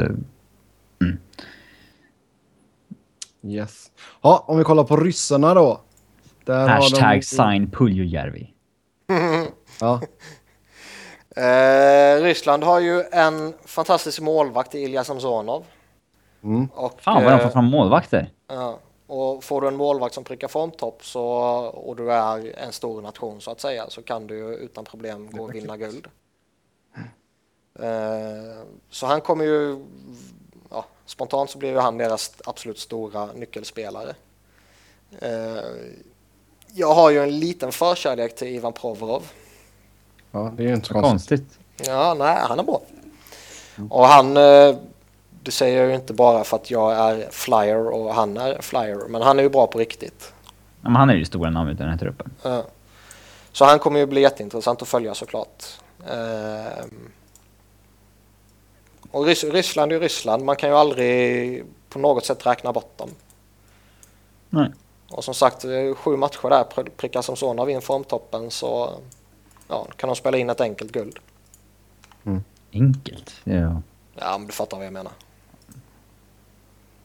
1-0, 1-0, 1-0. Ja. Allt, allt som behövs.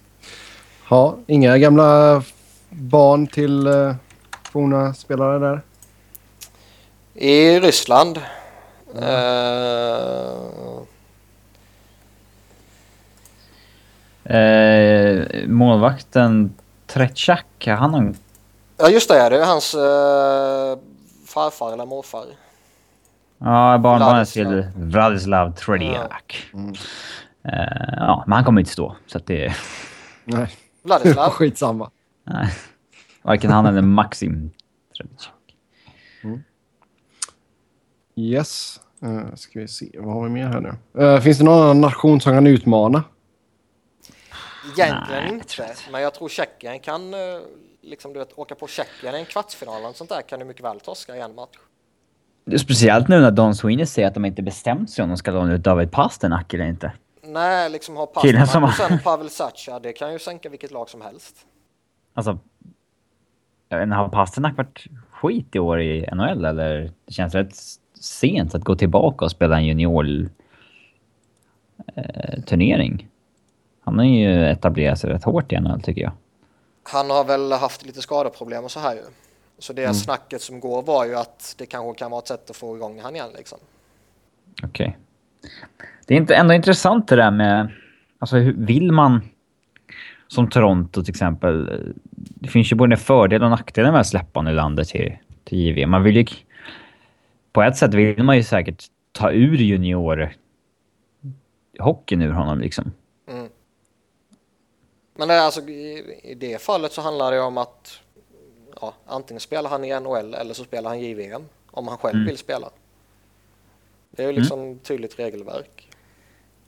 Ja. Så eh, Leafs skulle Men det, det är många som är så här helt oförstående till varför de, in, varför de inte skulle vilja släppa Nylander dit om han ändå spelar AHL. Ja, jag kan, nej, ändå, jag ja. kan ändå förstå att man kan resonera åt bägge hållen. Jo, det är klart, det gör jag också. Men eh, alltså de har ju inget att välja på om han är i AHL. Mm. Eh, ja, vad, finns det någonting att säga om de andra länderna? Nikola Ehlers i Danmarks trupp? Det är väl... Jag kan Eh, se Oliver Björkstrand i år, så att det blir tungt att bära det där själv. Ehlers har jag väl däremot inte sett någon bekräftelse på. Ska man... Okej. Fan, ska jag inte lita på Sebbe? Nej. Jag tittar på truppen på Elite Prospects här nu. Så. Ja, jag vet att han står med där, men jag har, jag har inte Mm. sett något om det. Det vore i och för sig jävligt märkligt om Winnipeg släppte honom. Han har ju varit ruskigt bra. Förmodligen har väl danskarna lagt en fråga typ liksom. Ja, det är ju förståeligt. Och liksom inkluderat honom i truppen och se vad som händer kanske liksom. Mm. Ehm, men det är klart att det är liksom, det är inget av de andra som kan utmana. Schweiz har ju några intressanta spelare och sådär liksom, men de kommer inte utmana i det långa loppet. Däremot så är det ju så tajt numera att Schweiz kan ju gå och vinna en kvartsfinal mot något betydligt bättre lag. Mm. Tobias, han skriver mycket i chatten här om Garland också. En av USAs alla petade spelare. Eh, ska vi se. Vilka spelare ser vi fram emot att följa? Vi har ju nämnt en hel del redan. Är det någon, några andra som ni vill rabbla av? Nej. Travis Connectney. Vem tror du står förresten? Linus Söderström eller Felix Sandström? Eh, jättesvårt. Felix Sandström har ju gjort det jättebra för Brynäs denna säsongen och eh, har väl kanske med de prestationerna egentligen förtjänat första spaden. Å andra sidan så var ju Linus Söderström i mitt tycke jätteduktig för ett år sedan. Ja, det är sällan man Och liksom det känns, alltså, går tillbaka. Alltså, det, det känns fel att peta han då liksom. Ä- Även om det man gjorde för ett år sedan Ja. inte har något med dagsform att göra. ja. Men, ja, det blir ju... Det, det är konstigt att gå från att vara första målvakt när man är ja, ett år ung och sen så sista året inte vara första målvakt. Eh, Ja. han har ändå... Alltså Linus Söderström har ändå 92,7 procent i, i Allsvenskan i år. Det är ju jätte... Ja, han har gjort en bra säsong liksom. Eh, Eh, så att... Eh, ja, men det, det, det blir en... Väldigt intressant. Jag har sett en del som... De, många verkar utgå från att Felix Sandström ska stå. Men jag vet fan. Det verkar ju som att Grönborg är jävligt tänd på honom. Sandström? Ja. Mm. Ja, det... Ja, jag. Det enda man kan säga är väl att Erik Källgren inte kommer vara första målvakt. Jaha. Yes. Ja, vi har redan tippat att Sverige vinner. Eh, Robin tippade att några andra vinner. Mm, ja, visst. Några andra vinner, säger jag. Några andra vinner, okej. Ja, det är bra. Då hoppar vi in på lyssnarfrågorna. Och första frågan vi har fått är list- lista topp fem centerdjup i ligan. Så de fem lagen med bäst centerdjup. Och det är ju inte Ävs längre. Jag, eh, jag svingar till med Dallas i topp tror jag nog ändå. Vi kan ju bara ta topp fem, vi behöver inte ranka Nej, vi listar alla 30. Ja. Vi går ner till Excel. Ja, exakt. Eh, nej, men Dallas skulle jag nog säga i topp idag med Seguin, Spetsa, Ikin och Fiddler typ. Det är ändå jävligt bra. Man måste ju faktiskt nämna Edmonton också. Nej, de, de har vi fastställt tidigare i det här avsnittet att de räknar vi inte. Nej.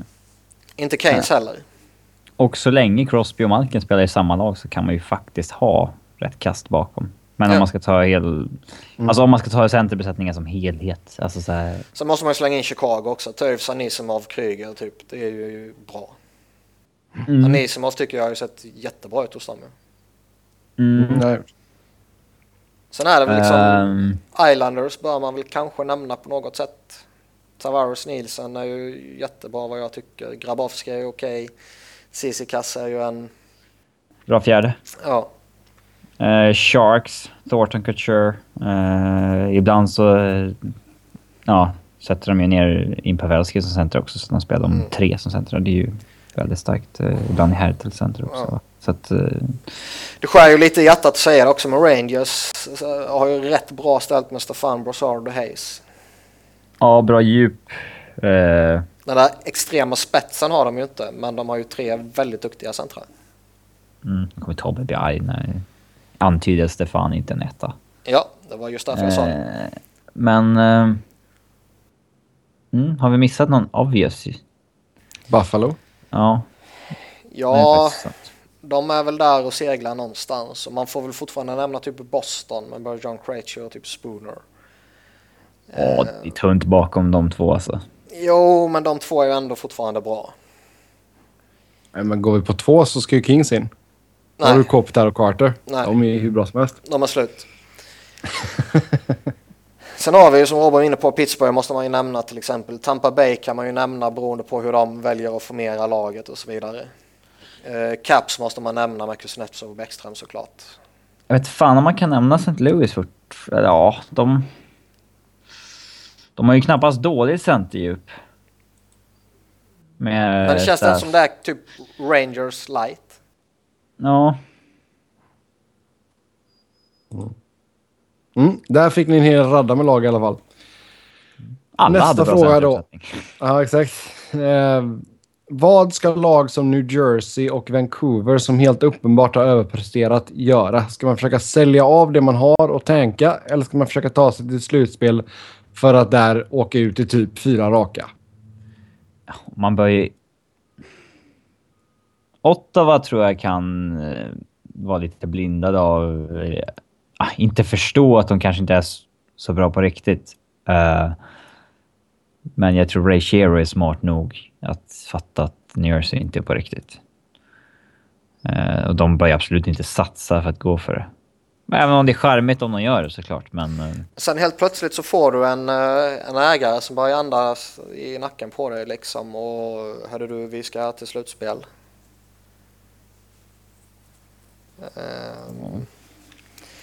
Så det är nog inte, alltså vi vill ha extra inkomst och du vet vi, vi, ska, vi ska gå för det här så att vi kan eh, bygga och bla bla bla liksom vidare på det här och vi kanske inte har varit i slutspel så mycket senaste tiden så då ska vi satsa mot det och så vidare.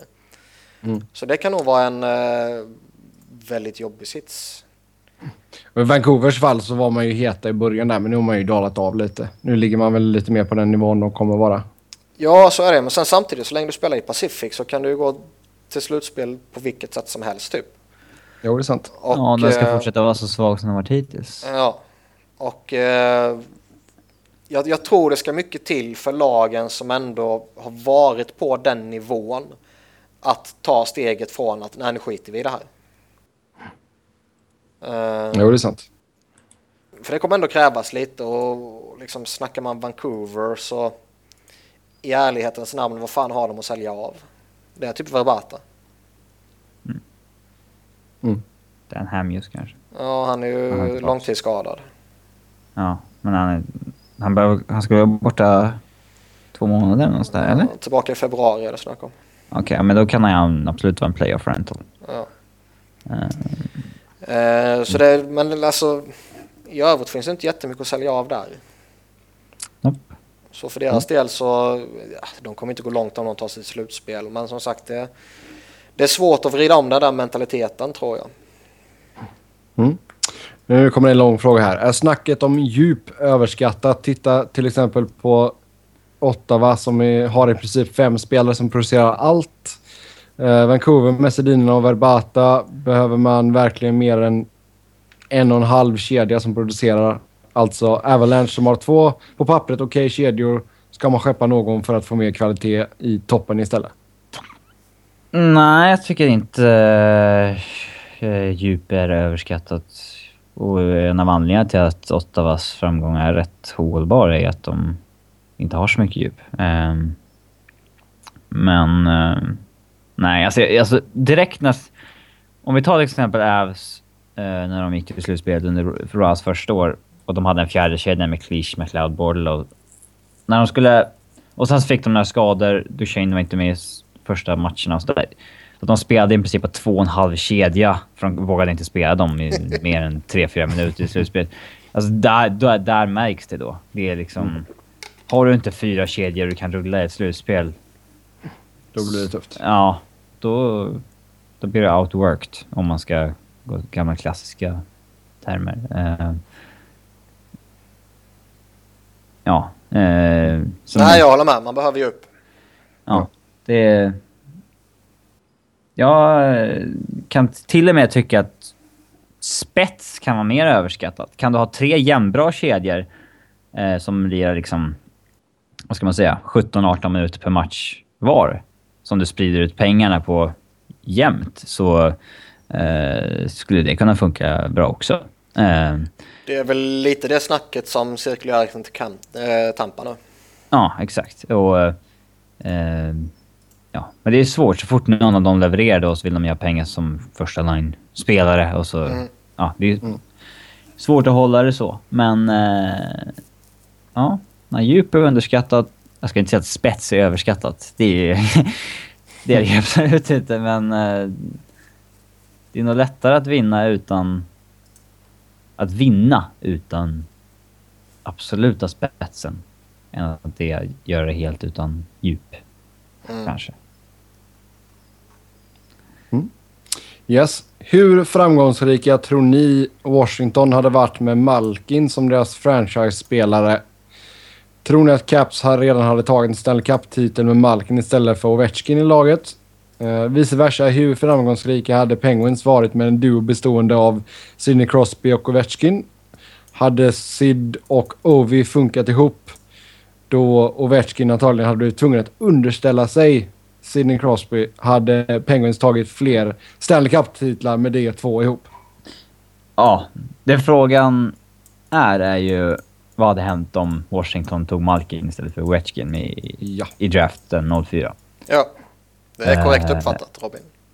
Ja, det var, jag tyckte den var lite lång och konstig kanske. Eh, alla kanske inte har koll på den grejen, att det var därför frågan ställdes. Ja. Att Washington hade valet Ovechkin eller Malkin. Mm. Eller Cam Barker som gick trea. Men... Eh, mm, den, eh, den har man ju faktiskt funderat på några gånger. Vad hade hänt om Ove hade hamnat i Pittsburgh där? Alltså generellt så tycker jag ju att ska du bygga ett vinnande lag så gör ju det med centra ju. Ja. Och Malkin är väl, om man snackar liksom Crosby-generationen så är väl kanske Malkin den näst bästa centern. Ja. Och eh, att ha han som din go-to-guy och så vidare. Ja, det vore ju inte fel. Hade Eh, kanske varit bättre för bägge lagen. Ja. Kanske. Eh, sen vet man ju inte eh, liksom. Skulle Malkin göra lika många poäng och mål som Ovechkin har gjort? Och skulle det ha någon betydelse eller skulle det ha förändrat någonting? Och, och så vidare. Det, det är väl alltid svårt att säga men Han hade ju bildat ett stört radarpar med Semin då. Han hamnade där. Ja, typ. Eh, sen vet man ju liksom... Skulle de tagit Bäckström om de skulle haft Malkin? Alltså det är ju några sådana ringar på vattnet också. Ja, och det är, allt blir annorlunda. Så det är väldigt svårt att analysera så.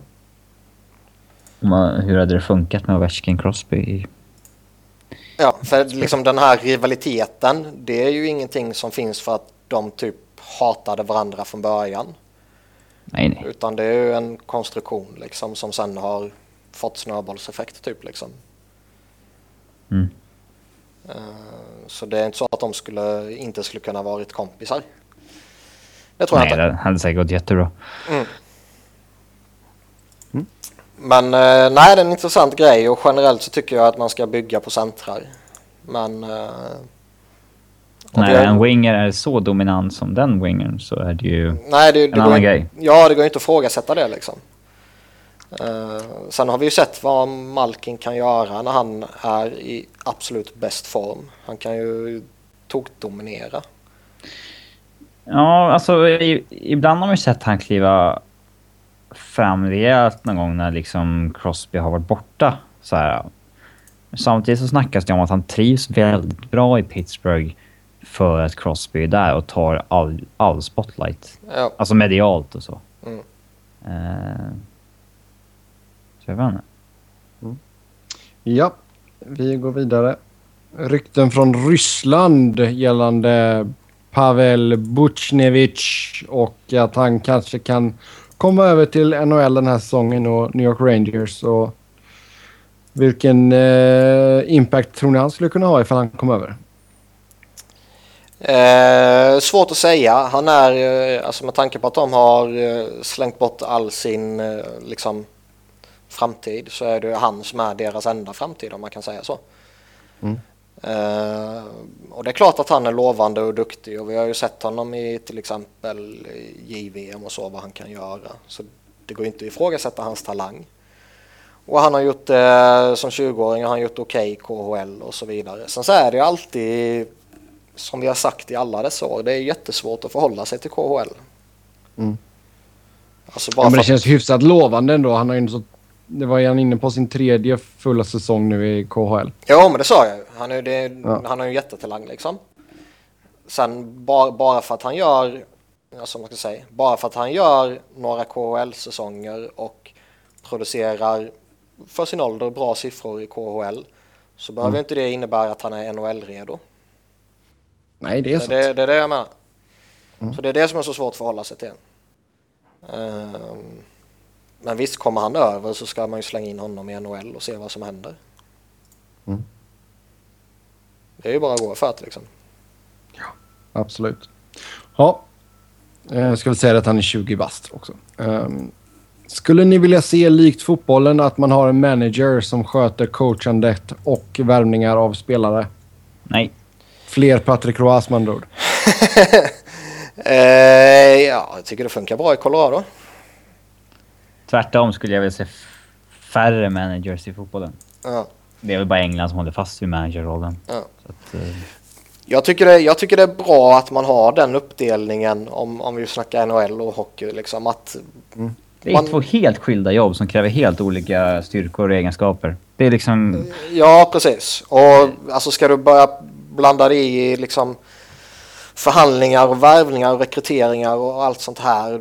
Alltså ska du vara coach så ska du gärna följa den här spelaren på något sätt då kanske. Och det har du ju kanske inte alltid tid till om du är coach och ska sköta dina egna 82 matcher och så vidare. Nej, det blir lite väl mycket på en uh, tallrik där om du ska vara både GM och manager. Uh, GM och coach. Ja. Så jag tror nog det är en förutsättning att ha det utspritt. För det är liksom så, alltså en GM har ju så jädra mycket också. Det handlar ju inte bara om att typ trada för NHL-laget utan du ska ju förbereda draft och bla bla bla bla bla. Mm. Så det är ju hur mycket som helst. Så att lägga allt sånt på, på en snubbe, det tror jag mycket. Mm. Det är inte bra. Och det har man väl sett tendenser till i Avs också.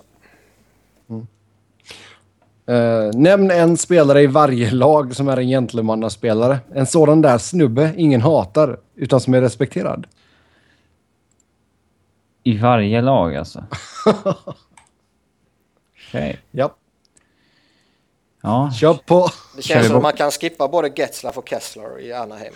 Om vi tar i bokstavsordning. ja. Vem gillas av alla i Anaheim? Cam Fowler, Oj. typ. Hampus Lindholm. Ja, jag har inte hört någon säga något ont om Hampus Lindholm. Det skulle vara om vi har sagt något någon gång, men det tror jag inte. Ja, möjligtvis Sebbe. Vem var det som sköt en björn? Va? Som sköt en björn? Ja, det var ju någon, var det inte någon i Anaheim som ja, sköt Clayton en björn? Stoner. Ja. Ja, hoppar hade, vi till... det med, hade det med gentlemanna-grejen att göra? Ja, det, vet, alltså, det kan ju vara att någon inte skulle gilla honom för att han sköt en björn. Okej. Okay. Ja. ja. Man vet aldrig. Man vet aldrig. Vi, vi kör division för division istället. Ja, men uh, fan. Vi, börjar, vi, vi fortsätter i Pacific då. Arizona. Shandon. Mm, han är ett as. Uh, ja, Nej, det är, det är väl Shane Doan och Steve Downey kan man nog uh, lägga åt sidan. Ekman alltså, Larsson är nog rätt ja. svettig. Ja, det är väl Ekman Larsson. Mm. Svärmorsdrömmen etc. Mm. Kalsongmodellen. Mm. Calgary. Det var ju Ginland när han var där, men... Uh, Känns som Johnny Hockey kanske. Nej, det finns väl några som kanske inte gillar honom. Jiri Hudler känns ganska likeable. Nej, för fan. Nej, där var du snett ute. I och Johnny eh, Giordano är ganska... Honom, ja. Giordano är ju ganska uppskattad av alla liksom. Mm. Edmonton? Ja. Där har vi... Ja. Vem gillas av alla i Edmonton? Ja, det är inte McDavid. Nej, de har nog fan ingen. Nej. Nej, möjligtvis kanske Dreisaitl. Eller han är väl den enda av de här unga som liksom typ inte har blivit hånade. Mm, det är i och för sig sant. Mm. Ja, eh, LA. Finns ingen. Kopitar. Nej, det är väl Kopitar eller Drew Dowdy. Ja, Förmodligen. svårt att inte gilla de två. Eh, San Jose. Ja, Milkman. ja, nej. Nej, han hatar jag ju. Mest för att du gillar honom i och för sig, men ändå. Hatar uh, alltså Det är vissa som stör sig på Joe Thornton, så man kan ju inte säga honom. Brent Burns måste man ju dra till ju. Det är Nej. många som stör sig på honom också. Nej. Uh, Vlasic man, man hatar ju Brett Burns för att Niklas Holmgren på Viasat alltid ska skrika Burns. Ja, det har du rätt Ja, det, har, det har jag tyvärr missat. Ja, synd om dig. Ja, nej, de har nog fan ingen heller va? Eller? Vancouver. Ja, det är väl Sedina då. Nej, du får bara säga en. Ja. Henrik. Ja, jag tycker Daniel. Mhm. Ja. Det var fel. Då eh, Central då. Chicago. Och det är fan inte Taves. Det är varken Toews eller Kane. Hossa Nej. kanske. Ja, Hossa är en typisk gentleman som alla Ja. älskar. Ja. Colorado. Ja, Det är väl Ginla. Ja. Dallas. Det måste vara Jamie Benn. Ja, Sagan har ändå haft sina, Han har ju sina Boston Ja. connections. sina hack i skiva. Minnesota.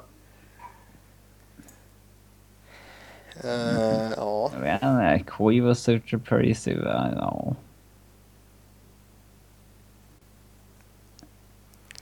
Men alla de man, har ju... eh, Man kan ju inte säga Brodin för Ryan Suter hatar ju honom.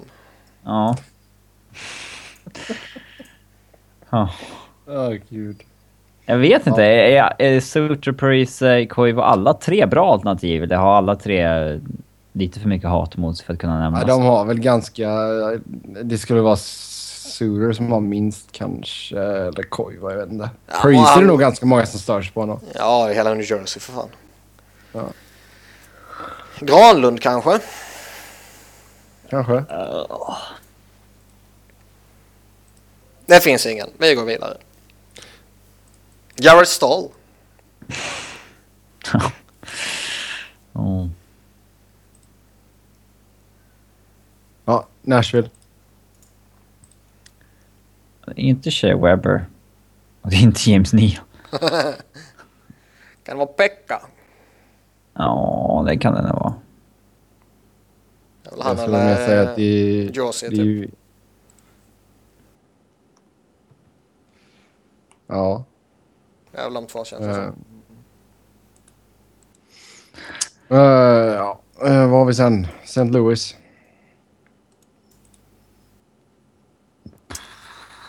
Tarasenko va? Ja, Eller han är ju ryss i och för sig, så det finns väl alltid folk som... ja det, Rysshatare. det är väl Tarasenko eller Pietrangelo då. Ja. Winnipeg. Eh, den är lite svår.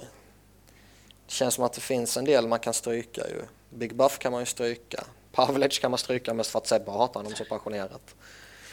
Eh, Står väl mellan Lad och... Mm, Lad kan jag köpa. Mm. ja, det är nog han. Ja. Bra. Ha, över till Metropolitan, Carolina. Finns ingen. Ed Eddie Leck. Ju givet. Nej. Nej, Alla gillar Eddie Leck. Halva Nej. ligan vet inte vem han är. Nej. Killen har en taco intatuerad på kroppen. Det är bara det. Nej men det är väl ingen som har något emot. Det måste vara Justin Falk va? Ja... Det är väl ingen som hatar på Storebror stad heller. Jo, Han har väl rätt. Eh, ja, okej. Columbus. man vill ju säga Ryan Johansson men det går ju inte eftersom Tårtan hatar honom. Wennberg kan absolut bli en sån här som eh, uppskattas av alla. För att han är... Fast det vet du mycket väl att jag kommer ju hata han passionerat så länge du älskar honom. Du sa ju att du hade hellre haft med Alexander Wennberg i OS-truppen 2014 än Jimmy Eriksson. Ja, men det kan du inte använda som liksom argument. Ja, nu går vi vidare. New Jersey. Green Eller nej, förlåt. New York Islanders såklart. Herregud. Jaha. Spelar det någon roll? Kan vi inte bara ta dem efter? Ja, vad är vi på? Islanders. Nej, Jersey. Ja, vi kör Jersey. Jag säger eh, Andy Green. Bobby Farnham. Ja, avgå! Ja, men det är Pat Patrick Elias har ju ett... Ja, Elias glömde jag. Ja, han, Han är... är, han är given ju. Okej. Ja, Islanders.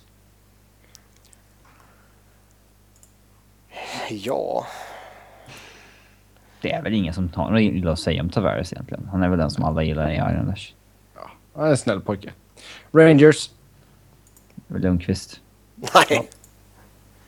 Jag Ja, gillar inte honom, men eh, alltså... Han gillar man bara när han har Tre Kronor-tröjan på sig.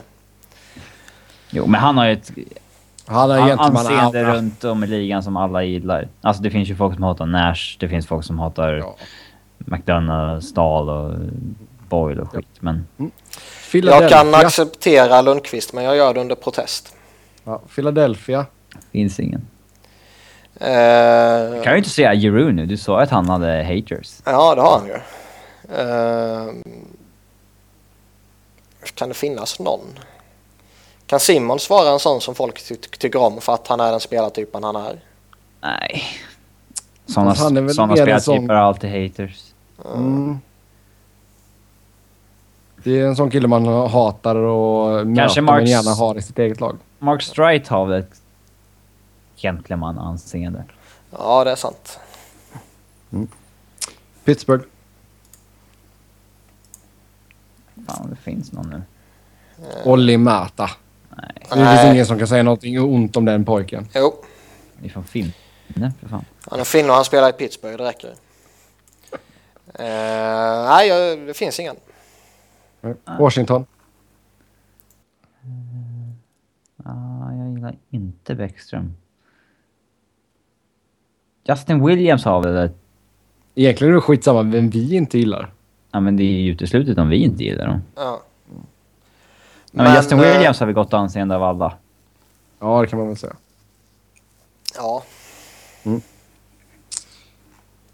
Japp, då hoppar vi vidare. Sista då, Atlantic. Boston. Den är jobbig. är inte Chara ändå respekterad Nej, överallt? nej, Är han inte det? nej. Sebbe har får- hatat på honom i tre, fyra år i podden. Ja. Jag hade sagt Chara här för att det finns ju...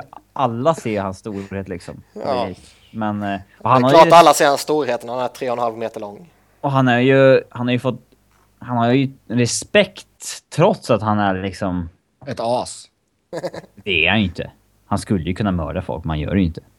Alltså... Eh, så att, nej, jag...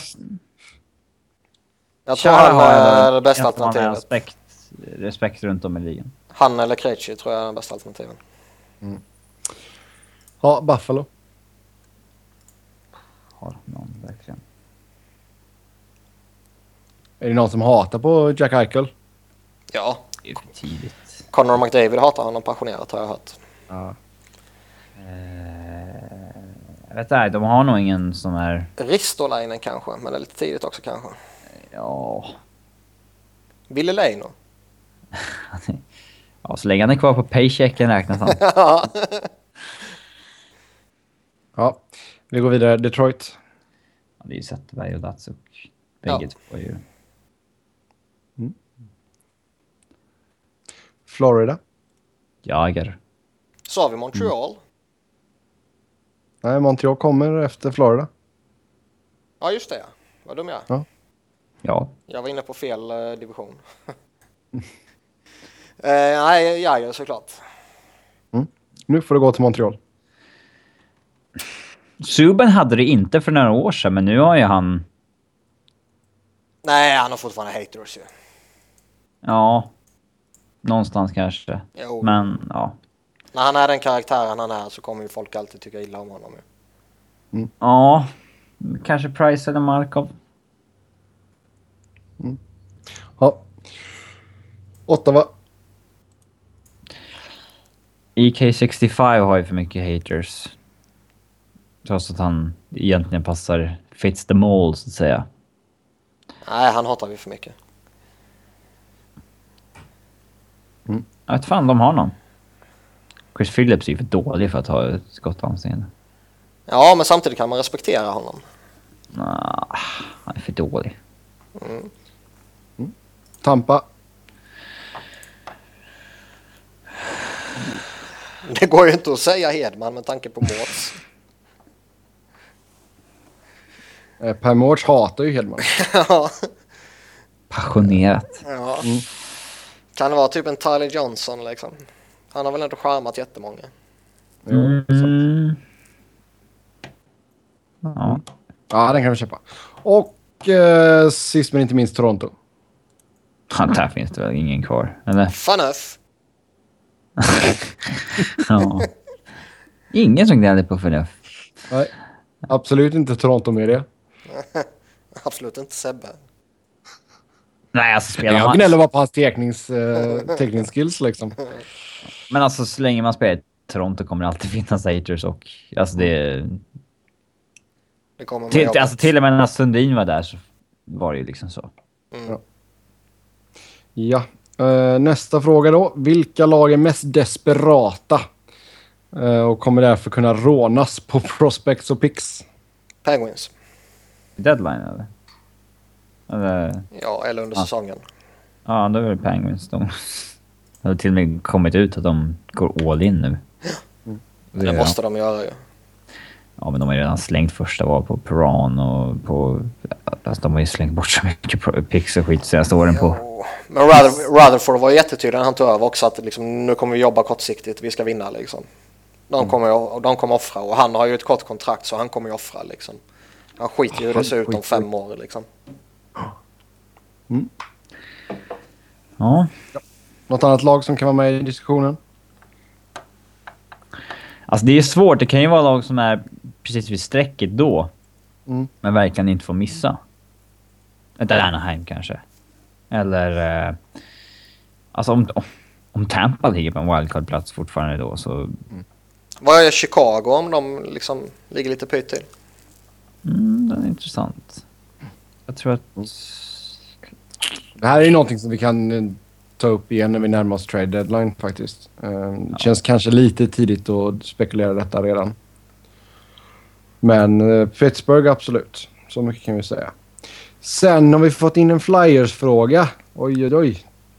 Med tanke på Flyers inledning, är Hackstalls system inte kompatibelt i NHL eller är det fel spelare för jobbet? Det är Spelare. I Hackstall. Nej, alltså Hackstall, det, det enda jag liksom sådär konsekvent irriterar mig på det är ju tramsen med Voracek. Att man hivar ner honom med Bellemare och Van de Velde. Annars har jag generellt inget emot honom. Liksom. Däremot har man ju för många dåliga spelare. Man har för många backar som inte kan göra något med pucken och så vidare. Det är ju större problem. Men just de här grejerna att skicka ner en storstjärna i en, alltså i en liten roll. Det brukar ju vara ett tecken på en dålig coach. Alltså man ser ju sällan... Fast jag tycker, känns inte, mer, känns inte det mer som att det är ett tecken på, eh, kanske, kanske inte dålig, men typ gammalmodighet? Ja, För det, det är liksom, old school-gänget. ja, alltså jag, jag kan, det är som jag sa i början där, jag kan leva att man gör det i en match eller två för att, ja, det här med att peta ner honom så tänder man honom och så vidare, just det resonemanget. Jag håller inte nödvändigtvis med, eller håller, jag håller inte alls med om det själv, eh, att det är på det sättet man ska jobba, men det har ändå funnits jättemånga år så jag kan leva med att det lever kvar i en match eller två. Men när det blir vad var det, sju, åtta matcher eller ännu mer kanske till och med, jag minns inte exakt. Då är det bara jättegalet ju. Mm. Det, är en sak, det är ju en sak om du gör det med liksom Braden Chen har varit skitdålig, vi slänger ner han där lite eller liksom till och med Wayne Simmons. Men nu gör det med Jake Voracek som har varit en av ligans bästa wingers senaste säsongerna och, och liksom Och signade sitt signat. jättekontrakt. Ja. Ja. Det, det är ju jätteudda. Och det, men det är ändå det enda stora jag har mot honom. Sen är väl då frågan, är det så pass stort? att det ska väga jättetungt? Eller är det liksom bara en grej i mängden? Mm. Ja. Men du tror som sagt på att det är spelarna? Ja men för fan, det är bara att titta på truppen liksom. Bra, då har vi fått svar på det. Sista frågan för i afton. Borde man göra någonting åt sidningssystemet i slutspelet? Det känns inte rättvist att Kings, som ser ut att ta hem Pacific, får möta ett tufft wildcard-lag från Central medan tvåan och trean i Pacific får möta varandra. Borde man gå tillbaka till det gamla systemet där ettan möter åttan och så vidare och skippa upplägget med wildcard-platser? Det här... Att, att Kings, det är ju väl... Det skumma, det störda är väl att ett lag som Avs skulle kunna, eller eh, Winnipeg skulle kunna... Ja, vad säger man? Vara sjätte, sjunde bästa laget i konferensen och missa slutspel. Men jag, jag förstår ju det han hintar om i frågan här liksom att... Uh, säg att du Alltså det, är mer, det är mer orättvist att, om vi säger Dallas, att de får... Eller alltså St. Louis som... Alltså det är ju lagen i Central som straffas. Jo, så är Jo, på ett sätt. Samtidigt så, jag menar... Tänk om du vinner Pacific och så får du möta Chicago i första rundan. Mm. Eller så kommer du tvåa i Pacific och så får du möta Arizona i första rundan. Det är ju lite skillnad kan jag känna. Absolut. Eh, Så jag förstår vad han menar där. Jag, jag tycker ändå på något sätt att... jag- Jag tror ändå jag gillar wildcard-systemet. Eh, För man vet ju att sån här att en division är stark, det kommer ju... Ja, men det skiftar ju. Ja, det går ju cykler. Ger det två år sen kanske Central inte alls är lika saftig som den är idag. Men jag hade nog...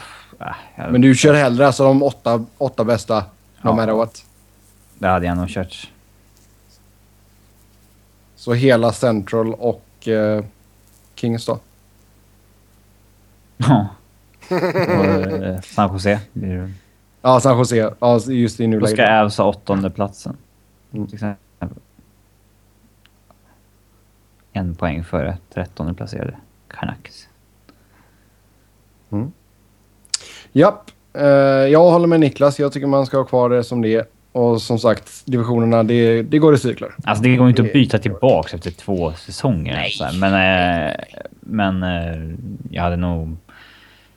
Hade man kunnat reversa det så hade jag nog gjort det. Jo. Då tackar vi för oss för den här veckan. Som vanligt så fortsätt att skicka in era lyssnarfrågor. Vi uppskattar det jättemycket. Vill ni köta med hockey med oss så går det bra att göra det via Twitter. Mig hittar ni på att Seb Noren. Niklas hittar ni på att Niklas Wiberg. Niklas med C och enkel V. Och Robin hittar ni på R Fredriksson. Så eh, tills nästa gång. Har vi bestämt att vi kör på tisdag eller? Vad, vad är det vi ska göra på tisdag egentligen? Bara, sitt, eh, bara snacka? Ja, vad brukar vi göra i en podcast? Vi brukar snacka. Nej, men vi kör, vi, vi kör lite så här dan för dan för doppare dan. Eh, Ja, vi får inte kalla det det i podden. Bara så- Nej, nej, det, Nej. det förstår jag att vi inte kommer göra. Men li- lite uppesittarkväll och sådär. Så vi hoppas att många av er lyssnar live och kommer, så tar vi en massa frågor från eh, chatten också helt enkelt. Vad ska vi snacka om? Eller hur länge ska vi Allt ska möjligt. Alltså, vi, vi, ska, vi får se. Vi ska ge ut lite julklappar. Vi ska, det, det blir roligt helt enkelt. Så eh, tisdag nästa vecka så hörs vi igen. Tills dess, ha det gött. Hej!